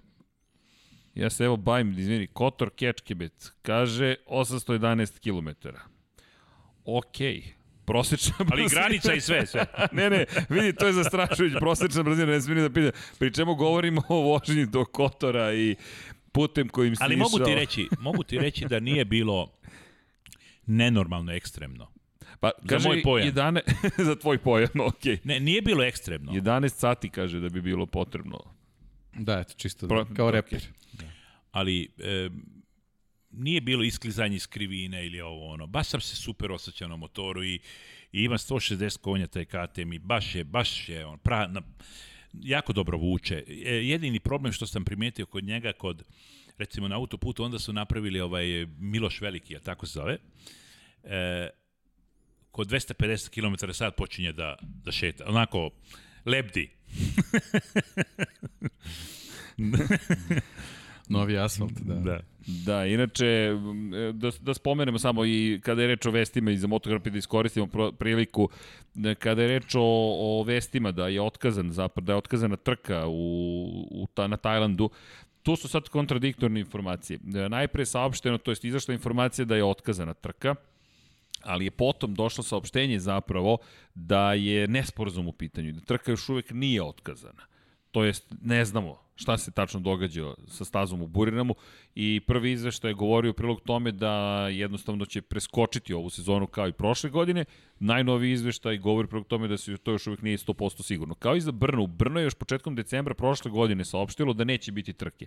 Ali smo negdje mi napomenuli da iz iskustva znamo da postoji šansa da bismo juče zapravo dobili juče definitivnu, definitivnu da. potvrdu. Da. Tako da ne znamo, sve sluti na to da će trka na Tajlandu biti. Ja pretpostavljam da su tu neki rokovi koji i organizatori moraju da, Mogući. da, da, da, da ispoštuju, da u određenom trenutku kažu eksplicitno da ili ne. Tako da verujem da što se tiče Tajlanda tu još postoji ta igra, ali ne znam, već, već je krenulo sa nekim velikim izmenama Jest. u kalendaru, tako da ne znam, vidimo da i gore drive više nema u opciji. Da, tako da... ali Portimao da. Što, što je okej. Okay. Dolazi, ali da, opet da, je pitanje, da. Portugalija je u ozbiljnim problemima u ovom momentu jest, i jest. Pa, situacija kada reče o epidemiji je veoma ozbiljna, na, na, pogrešan, na jedan loš način govorimo sada o epidemiji u Portugaliji, tako da ne znamo, ali iste priče smo slušali prošle godine da neće biti trke u Portimao, na kraju se održala isto u momentu kada je bila ozbiljna kriza kada je reč o zdravlju. Tako da je naša pretpostavka da će Portugalija biti domaćin. Ono što su dobre vesti, makar neke dobre vesti, Lučiće Kinelo Racing je potvrdio da je potpisao ugovor na još 5 godina, tako da LCR Honda, za koju će voziti ove godine, što Alex Marquez na ovogodišnjem modelu Honda, što Takaki na Kagami ostaje dakle još 5 godina Lučić i Kinelo u, u u šampionatu, što je velika stvar iz perspektive stabilnosti. Da, četiri tima su već potpisala, Jest. čekamo ostale, tako da se nadam bar što se toga tiče da imamo ovaj da imamo grupu koja treba da bude što se tiče timova za neki, neki predstojeći Jasne. period, što je jako važno, to je najpozitivnija da, da. vest u ovom trenutku. Da, i to je vest i o Markezu i o čekanju zapravo informacije da li će možda potpisati ugovor sa sa doviciozom na ovaj ili onaj način. Ali da te pitam nešto, velika je vest bila da je Davide Brivi otišao u Formulu 1 kako iz tvoje perspektive to izgleda kao neko ko, to je čovjek koji je formirao taj tim, jednom ostaješ bez glave u suštini, koja sad odlazi u Formulu 1, ajde da ne ulazimo u to, to niko ne zna zapravo i u Formulu, i tamo se svašta dešava, Sirila bi to bilo kako otišao, ali Suzuki odjednom nema šefa ekipe, kako tebi to izgleda iz tvoje perspektive? Da li su dovoljno uigrani da to može da ne ja mislim predstavlja da ne. problem? Predstavit će problem sigurno. To, to. 100%. 100% će biti jako veliki problem. Tako i nama izgleda, jer to je čovek koji je držao balans. Baš i Drže balans, da, bio, jest, da, pa kako da, da, ne. Da. Biće jako veliki problem. I biće i onom problem koji je otišao u Formule 1. Isto. Da, pa, pa ja, i Brivija čeka neki drugi svet, neka druga kultura. Apsolutno druga. Druge drugi igre. Sve, sve drugo. Jer ti moraš tamo, kao što neko za tebe zna u Dakaru i da. kaže, kada se spomene tvoje ime i prezime, to se zna. Ti si brivio u Moto Grand Prix. Sada ti stižeš nama sa strane u naš svet Formula 1, pa nisam baš siguran da ćete dočekati ne, ne, ne, tek ne, tako. Ne, totalno drugačije, drugi svet, nema, nema šanse. Tako da uspeh, ja mislim da malo šanse ima. Da, i ono što je zanimljivo izašlo kao vest, a sad vraćamo se na Brivija, e, pričao je o tome zašto su izabrali Joana Mira, a ne Jorgea Lorenza. I to isto fascinantno, da u jednom trenutku Lorenzo imao šansu čak da završi u Suzukiju i kako se kockice nisu čak ni tu složile i objasnio je Brivio da su počeli da razmišljaju o miru kada je pobedio 10 puta u sezoni u Moto3 klasi, što je tek fenomenalno, 10 yes. pobeda imaš na, na, na, na, na Moto3 motoru u jednoj godini i rekao je uopšte nismo birali između vozača, već smo birali između filozofija zapravo njihovih i ne samo njihovih, već filozofije našeg naše budućnosti, šta mi hoćemo tu da ekipa. Tu je ta uloga Brivio bila u da. tom dobrom izboru. Da, da izabere da, napra... da. Do, i izabroje šampiona na kraju. To ne znači da Lorenzo ne bi bio, ali izabroje šampiona. Zanimljivo. A da li, da te pitam, kada posmatraš trke Moto Grand Prix, da li posmatraš vozača iz perspektive stilova vožnje? Da li se baviš time ili je čisto uživanje u adrenalinu? Čisto uživanje u adrenalinu, ali Još jednom ću da kažem, Mark Marquez je ubedljivo zadnjih 2-3 godine, vidi se da je brži od ostalih. Nije ista kategorija. Stvarno nije ista kategorija. Voleli bi ga da ili ne, svi volimo mi Rosija. 80% sveta voli Rosija. Ili koji prate e, e GP. Ali on je stvarno, ne znam kako će sad da bude, da, da li će moći da se vrati, vrlo teško će da se vrati, da, da vam kažem, iz moje perspektive gledajući. Sad smo, da, sad smo spomenuli da Tako da, ali biće, za nas gledalce će biti sigurno mnogo interesantnije zato što će biti možda tu 6-7 vozača u priči da pobedi.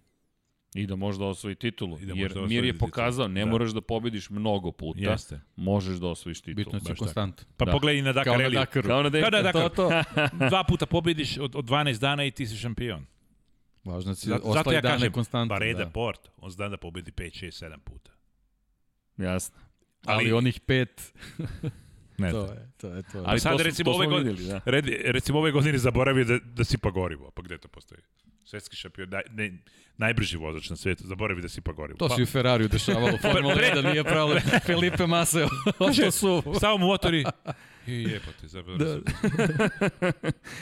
da, da, to su, ali to su ti momenti, to smo mogli da vidimo kod Kvartarara. Bum, bum, pobeda, pobeda, onda nema ga, pa pobeda, pa ga nema to nije put, makar da. ne u ovom trenutku da osvojiš titulu.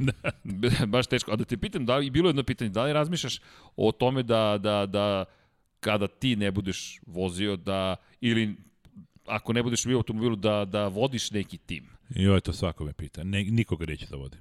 Ok. Mogu da pomognem, ali nikoga neću da... Sad ću tebi da je nešto ozbiljno da kažem. E, Rally Dakar je opasan život. Jasno. Nažalost i ove godine smo. I ove godine, prošle da. godine dvoje. Ja otkad sam u Reliju Dakar za 14 godina sam izgubio barem 20 motociklista. Nisam tačno broja sigurno. A, a svakog sam jako dobro poznavao. I ovog Pijera. Ovo je bio mali, Pijeri nije mali, za mene mali. Bio je tu u, kako za u male kategoriji. I nije prvi put bio na Reliju Dakar. Sve je znao Dakaru. Ako je već on izabrao, ja mislim treći, četvrti put bio, ali ako je već sam sebi odlučio da vozi male moto kategoriju. A šta se tu deš, tačno desilo, priča se svašta, ne znam. Tako sam i nešto čuo da je nezgodno pao ispred automobila i da, da. je valjda automobil udario. Da li je to istina? To se pričalo u bivaku. Sad da. šta je tu tačno istina, ne znam, ali sad biće nebitno. Nikome ne bi preporučio Rally Dakar zato što je to... Uh, nenormalno težak sport. Stvarno, svaki dan 12 do 15 sati da budeš na motoru i uvek možeš... Dobro, bilo... mi ne pričamo generalno i o Dakaru, tu postoji šampionat, mislim, tu se voze razne trke koje su slične kao Dakar. Pa dobro, ipak, ipak recimo motocross, i nije to opasno. Ne, mislio sam na, na ta enduro, neka takmičenja koja se to, voze ovaj po enduro, Africi. Hard enduro, to, hard, to, hard enduro, to je u redu. Da, to, tu da, ne da, idemo brzine. Da, da. da nego Rally Dakar to je ipak rally i tu su velike brzine. On priča za sebe. Na, to, je, to je priča za sebe. Ali imam vezi deki i publika je već osetila da vrbujemo Gabora zapravo za tim koji planiramo u Moto3 klasi. Pa ako uđemo u Moto3 kategoriju, pazi, imamo neke lude snove i ambicije. Stvarno? Da, da li bi... Imamo i vozače. Znam... Naći ćemo, vidi, i mini GP kategorija se pojavila, svašta ćemo mi da... Mi smo rešili da menjamo stvari. Promenimo sebe, promenimo neke stvari oko nas i ko zna šta može da se desi. Pa vidi tebe, ti imaš san, zar da. ne? Opet kreće od snova. Juče nam je ovde bio Martin Nađ, momak koji je radio kao mehaničar u Formuli 1. Imaš veliki pozdrav od Martina Imaš, da, Nađa, da, izvini, bio je da. na četu, da, gleda. I, i gleda čovek je, e, poslao CV Rimcu, nije dobro prošao, napravio je video koji je 67.000 ljudi videlo, ali između ostalog video je jedan čovek, Rimac, i da. angažovao ga je. Radio je kod Rimca, pa je išao u Švedsku, pa je išao u Italiju, bio je u Toru Rosu, bio je u Williamsu, sve je krenulo od snova da. i od te ideje mogu ja to. Da. I tako i mi imamo neke snove, pa da kažemo ajmo. Hajde da... da, da Ali da. ništa nije to problem, sve može da se... Ako, ako imaš dobru, e, dobru ideju, to sve može da se organizuje. Mislim da je naša ideja dobra, a pazi, samo budi oprezan, mi te sad već posmatramo kao makar konsultanta za tim Moto3 klasa. Ja znam kako treba sastaviti priču. e, to znam sigurno. Da, da, da. znam jako, e, jako dobro kome vredi pisati zahtev, kome ne vredi pisati zahtev. Da, to je nemoguće, mislim, mnogi ljudi... Ali ne, ne možeš ti da pišeš zahtev, nemojte se ljuti na mene. Ne, što da se ljutim. Kad, kad nemaš zbog čega pišeš zahtev. Znači, Jasno. nemaš rezultata. Ja kad sam prvi Dakar izašao na Rally Dakar, ja sam već onda bio sedmostruki šampion Srbije u motokrosu. Sve je jasno. Ne, ne znam koliko puta sam bio vice šampion. Možda osam puta, ne znam. Mnogo, više puta sam bio vice šampion nego šampion. Ali imao sam jako, jako puno kilometara. Ljudi moji, ja imam više od hiljadu startova u motokrosu. Više od, hi, od 2000 puta su mi rampa i se otvorile ispred mene. Imam blizu pola miliona trkačkih kilometara da, da. ukupno na motoru. Nije to sasvim slučajno što sam ja 10 puta došao do cilja, dakle, 100% nije. Tako da, ne znači da si tri puta prušao Frušku goru pa možeš na Reli Dakar, 100% ne. Ja od svoje desete godine, od svoje desete godine biciklom, maminim ili tatinim biciklom sam terao na trening i trenirao sam košarku na dan i dva puta. Pa posle sa Ćaletovim apenom sa onim branicima. Nije to ništa sasvim slučajno. Koliko puta ti je bio hot, ko je jako tvoj bio puno trka sam, molim, Koliko jako puno trka sam to? vozio i u Bugarskoj i u Mađarskoj i u Sloveniji, u Sloveniji ne, u Hrvatskoj. jako, jako, jako, jako puno kilometara sam napravio da bi došlo. Ali evo, Resničanin je to pisao, supervizor Lab 76 Moto3 ekipe. da. Vidi, mi se ne šalimo, mi smo već prezentovali dorni plan pričali sa njima, da li su zainteresovani, nisu, šta, mo, ozbiljno. Verujem. E, jurili smo i to znaš i sam kako ide, lobiranje za rukav, pitaj, ja znam. telefoni, pa, ako može. neko zna, ja tačno Ta, Tako, ali to je ono što se često ne vidi, taj lavirint, gde deluje ti dođeš negde i prijaviš se, ne, ne, ne, ne, ne, ne postoji pravilnik, ne postoji jasno uputstvo, nego ne. to moraš da se izboriš, da dođeš uopšte do prilike, Posle kad se otvore vrata, to je... E, posle kad doneseš rezultat, Tako ako je. završavaš neke stvari, onda automatski, već na neki način i tebe i traže. Meni sad više nije problem da pišem zahtev ministarstvu ili pokrajini ili ne znam, nekim sponzorima. Ja Znaju svi, da si ozbiljan znaju. i šta stoji iza Tako tebe. Tako se ti svake godine da. pojaviš već u slagalici, samo što sam i sad video juče. Neka nova slagalica. Da, stvarno? da, da. da Sjajno. Da, da, znaš, kad se pojaviš i, i svi čet, četiri takmičara zna ko je Gabor Sagmajster. Onda je već lakše. Sjajno. Onda je već lakše, znaš. Da. Izvini, da. ima ovde par dobrih pitanja. Da li si na tvojim putešestvima susretao se sa divljim životinjama i karakondžulama. I kako um, se nosiš sa tim situacijama ako se desi Doda gas. se? Nema karakondžula, ja to nisam video nigde. Ne, buka je velika, to se šta sam Video, video sam da. u, recimo, u Južnoj Americi, sam video u Boliviji, recimo, la, lame sam video. Čuo sam tu da ima škorpije u, u Saudijskoj Arabiji, ja jednom nisam video škorpije. Video sam ove kamile to normalno. Ima, ima farme, mnogo farmi kamila ima u Saudiju i u Arabskim Emiratima divlje konje sam video, divlje magarce, metalik sive, magarce u, kako zove? Tamo u, sve metalik. U, u, u, Argentini, to je, a to, to, to su magarci, to nisu magarci kao kod nas, ovi čačike što mi zovemo gore u Vojvodine, to su magarci kao konji. Oni veliki pravi od 500, 600, 700 kg. Pravi, pravi. Paragvaj. Paragvaj. Paragvaju samo, vo, e, bili smo samo, ja mislim, dva dana u Paragvaju u Asocionu, tamo što sam rekao da je takva je para i tako je sve zeleno, sve nenormalno zeleno, nenormalno crveno, nenormalno ovakve boje, znaš. Tu nijedno, u jednoj zemlji nisam to tako video, da je tako sve drečavo. Fascinantno. Dobro, morat ćemo u Paragoj, deki. Ja mislim, Ruta, vidi, Ruta pišemo, Cinco pišemo, vodi tamo, zapadnom obalom Južne Amerike. Ruta, ne znam kako se na španskom kaže, 76, vodit će i tuda. Eto, ako želiš, pridruži nam se, molim. A Nije problem nikakav. Imamo sad smo već u kontaktu, sad mi sve ide lakše. Tako je. Mogu da vam pomognem u organizaciji molim sigurno, se. mnogo. I, ima jedno pitanje, šta misliš o X Games motocross freestyle takmičenjima? E, šta mislim? Pa, Inače, to nije brzinsko takmičenje za, za početak. To je. Da, ali eto, da. Valentin pita pa da, da. da Dobro pitanje. Da. Inače, podmol je bio sad Libor, sam, da. Libor da, Pavlon je da, da, bio sam s nama sad. Dosadilo mu da skače pa je da. da vozi. pitao sam ga, pitao sam ga jer smo bili da. zajedno, bili smo kao e, na slobodni dan kad smo imali ovaj e, maratonski dan tako se zove na Reliju Dakar, baš baš je spavao tri, tri dušeka. Nije ne, ne kreveta, tri dušeka onako s leve strane. Mnogo toga smo pričali, on ima strahovite probleme, isto se izlomio skroz. E, ali pitao sam ga da, da li bi došao u Srbiju da neku motokros trku da napravi dupli sat ovo ono. Bio sam kaže, kaže, kaže bio sam bio, da, već, u, da, da. u areni sam bio. Yes. kaže tamo sam slomio ključnu kost. Night of Jumps, da. Red da. Bullov, da, da. Da, da, tako da baš, baš mu on, bio dobro, sjajan, dobro ga znam. Oduševio ne, on je, stvarno, on je stvarno da, da, da. pravi, pravi, pravi. Yes. Evo i dobili smo i prevod. Ruta Setenta i Seis. Eto, molim, hvala Aleksa. Da, da te pitam, evo, jezici, jesi uspeo da i pokupiš neke druge jezike, španski, ipak jako si bio... Jako malo španski, engleski slabo pričam, nemački pričam najbolje. Mi, mi smo poreklom, inače, sagmeister iz Nemačke. Nemački sam i u školi učio i išao sam na privatne časove kad sam nemački dobro baratam, mađarski, srpski, Majster. Dovoljno, snađeš, dovoljno za komunikaciju, se, da, da, se, da. Snađemo se snađemo se. Da. Sjajno. Gde treba nemački, ja, u KTM-u je super meni, jer tamo, tamo su, su Austrijanci, tamo super prolazim. Vozio sam e, 7 godina za nemački tim, e, glavni mehaničar mi bio glav, e, ovaj Kaiser Torsten, on je tamo blizu Minčena iz e, Kaufbauern mesto, tako da nemački u redu, engleski slabije. Ali dosta razumem, samo nemam dovoljno iskustva. Pa dobro, to je, ali ako ti ne treba, sve Ali se završava. ne da ne treba. Engleski mi najviše treba. Ja mislim svima nama engleski najviše treba. A tu je Peđa Milinković. To perfektno priča. da. da, pozdrav još da. jednom za Peđu, da. tu je, mislim da je još uvek ili do malo pre bio. Tu je i... Peđa ko perfektno priča, ne, kak, tako da...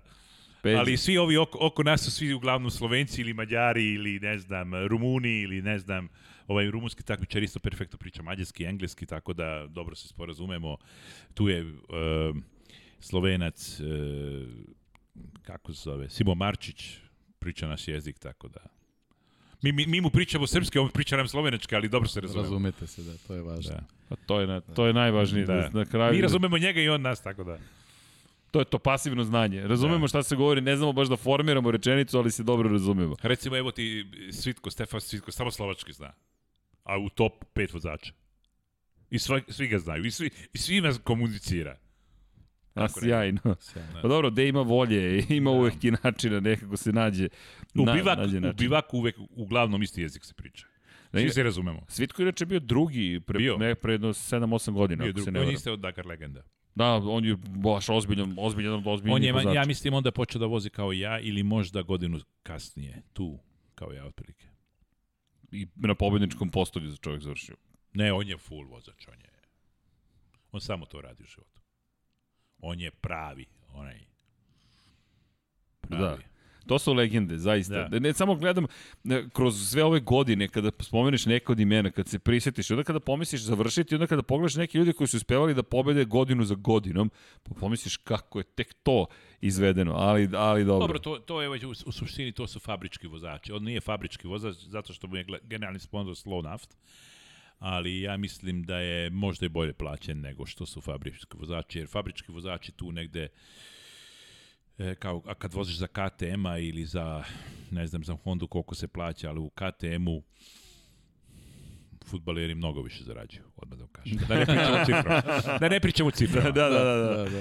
da. inače, izvini, Salamander 1209 te pita kako su Gaborova sećanja na motocross trke u Pirotu. Kaže, bio sam dosta mali kad imao rivalstvo sa Vladimirom Kostićem, ali pamtim kroz maglu te trke. Pozdrav od Aleksandra iz Pirota. Da, Pirot je jako dobra trka bila uvek, inače e, Kostić Vladimir je uvek malo bio brže od mene u MX1 kategoriji. Bilo, često sam ga ja pobiđao, bili smo pravi rivali i čak je onda u Pirot, u Vojnegove se zove mesto, e, tamo je motocross staza, nekad je došlo 7-8 hiljada gledalaca. Sjaj. A svi navijaju za, za Kostić Vladimir. Svi. A mene čekaju, čekaju dole u krivini gde niko ne vidi sa jogutoškom čašom puno vode pa u facu. Bila je svašta. Znači, bila je svašta, ali dobre trke su bile i mi smo jako dobri drugari i tako da stvarno mnogo, mnogo smo se borili. Bilo je ovako i onako, ali je ljudi su dolazi zbog nas dvojice na motokros 100%, ne znam kad je 90. godina, tako reći. Ili da. početak 2000. Tih da, i baš pita Aleksandar ko ti je bio najveći protivnik protiv e, koga e, si se trkao. Apsolutno, Aleks, uh, Vladimir Kostić. Lepo. Apsolutno. Deki. I svaka mu čast, on je uvek mnogo, mnogo više bio spreman, mnogo više trenirao i stvarno je baš, baš živo za taj sport. Samo on, nažalost, ranije ostavio motosport, ja mislim već u 42. i 3. godine više nije vozio. Tako ja sam duže trajao, tako da... I dobro, ja sam ušao u neku totalno drugu priču. Jasno. Meni je motocross sad više, više trading nego što je... Meni je rally Dakar, to je nema dalje, ja u tome uživam. I... Motocross izgleda trening za sve. Mo, pa, motocross, da, znači- da, motocross, ne, vozim i sad da. motocross šampionate, ali nemam takve ambicije tamo kao što imam ambiciju da sastavim opet novu priču na Reliju Dakar. Jer Reli Dakar je moj život.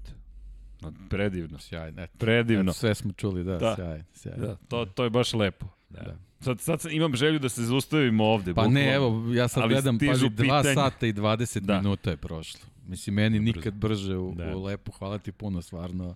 Mnogo lepe priče da. sam ispričao. Da, Gabore, nadam se da ćeš nam se ponovo pridružiti. Vidi, mi tako kad, kad se zaljubimo u ljude, onda ih ne puštamo, da. zatvorimo vrata, ne puštamo iz studija, negde se pokušamo. Zovite Peđu, Peđu. Martin se, Martin se sinoć uplašio. Martin se jedva izvukao, samo daš, Martin nađe juče i radio i kosmos sa nama, lansirali smo raketu, svašta se ovde događalo. Mi, da, da. svašta, mi volimo nauku, volimo kulturu, sport, pa se trudimo da to promovišemo. Da. Ali Peđu obavezno zovemo, već, već smo se dogovorili. Dobro. I, i imamo plan. Inače, Znaš ko... To, to je druga strana. Da. To, da. to, uh, e, Pelja što je video, ono to ja nisam video. O tome jako puno, jedino on može o tome da priča. Jer stvarno, on, on je svake godine ta, skoro bio sa mnom. On sve zna. Da, on je Kako? posmatrač. Svaku muku zna. Sjavno. Da li smo imali vizu, nismo imali vizu, da li smo imali dovoljne para, nismo imali para, sve zna. Da li sam išao sa polovnom gumom, sa novom gumom.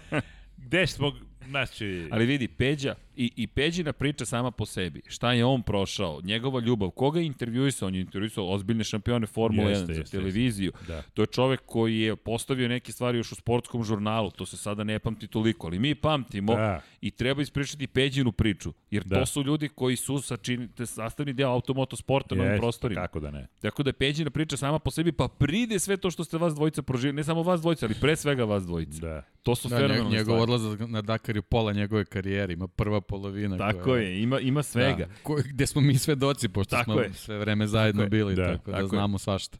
Pa ja, ja sam bio sad recimo u jutarnjem programu na RTS-u i, i sad je bila ova emisija i kad dolazim na jutarnji program, svi na televiziji znaju Peđa Dakar, Peđa, znamo.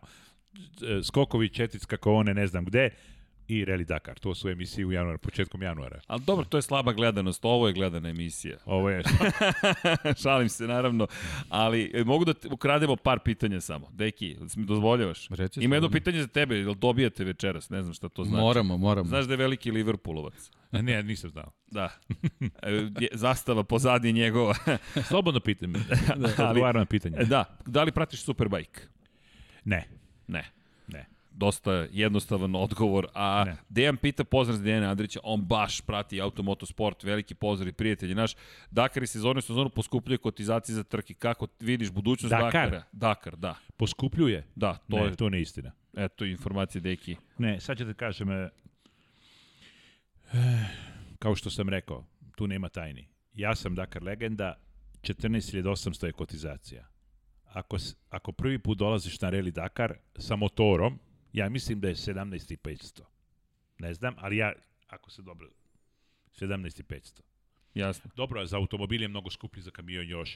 E, onda ako imaš asistenciju, e, recimo kombi neki, to je 9000, svaki mehaničar... Sve to nadogradnje. Da. Svaki da. mehaničar da. u bivaku ti košta, ne znam, ja mislim 6 ili 7000 eura svaki mehaničar, pa mislim tačno, ali, ali ovo kotizacija je već ne znam koliko godina unazad, je ista kotizacija.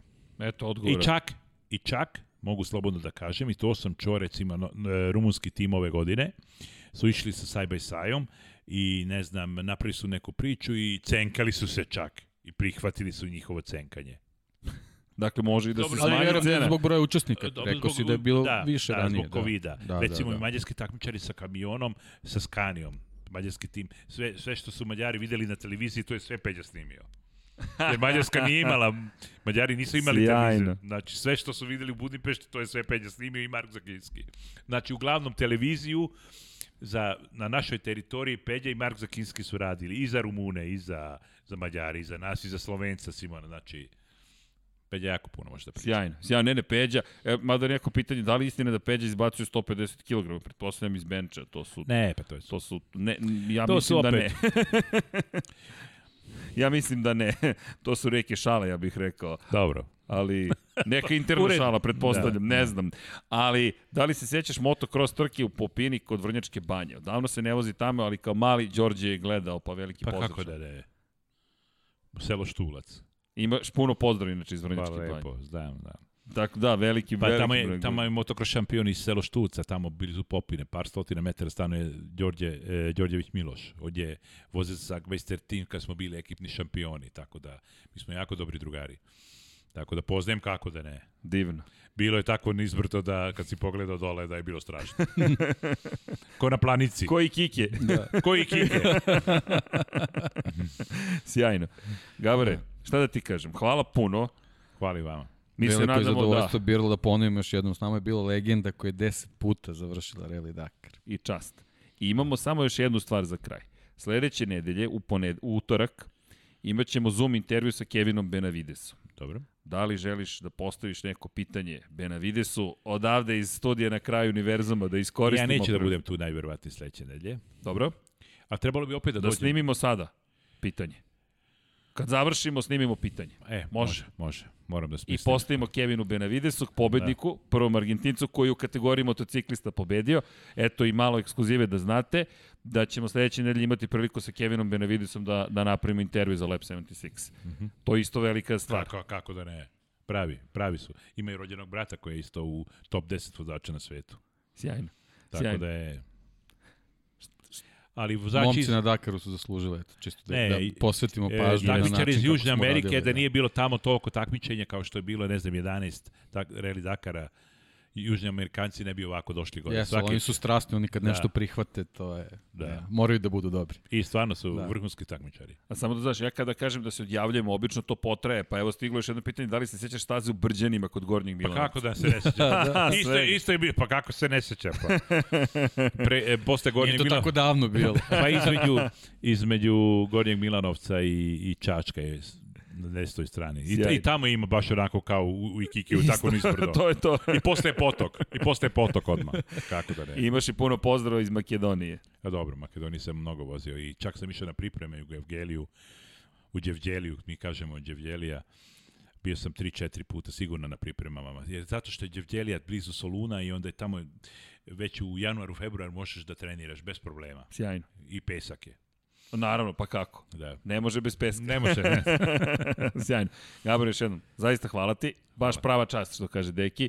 I eto, šta da kažemo gledalcima, imali ste priliku da uživate u legendi, bukvalno, autentičnoj i zvaničnoj legendi Dakara. Još jednom hvala ti. Hvala. Pa. Naš uobičajeni pozdrav je čao svima, pa ćemo se tako i ovoga puta odjaviti. Ćao svima. Ćao svima.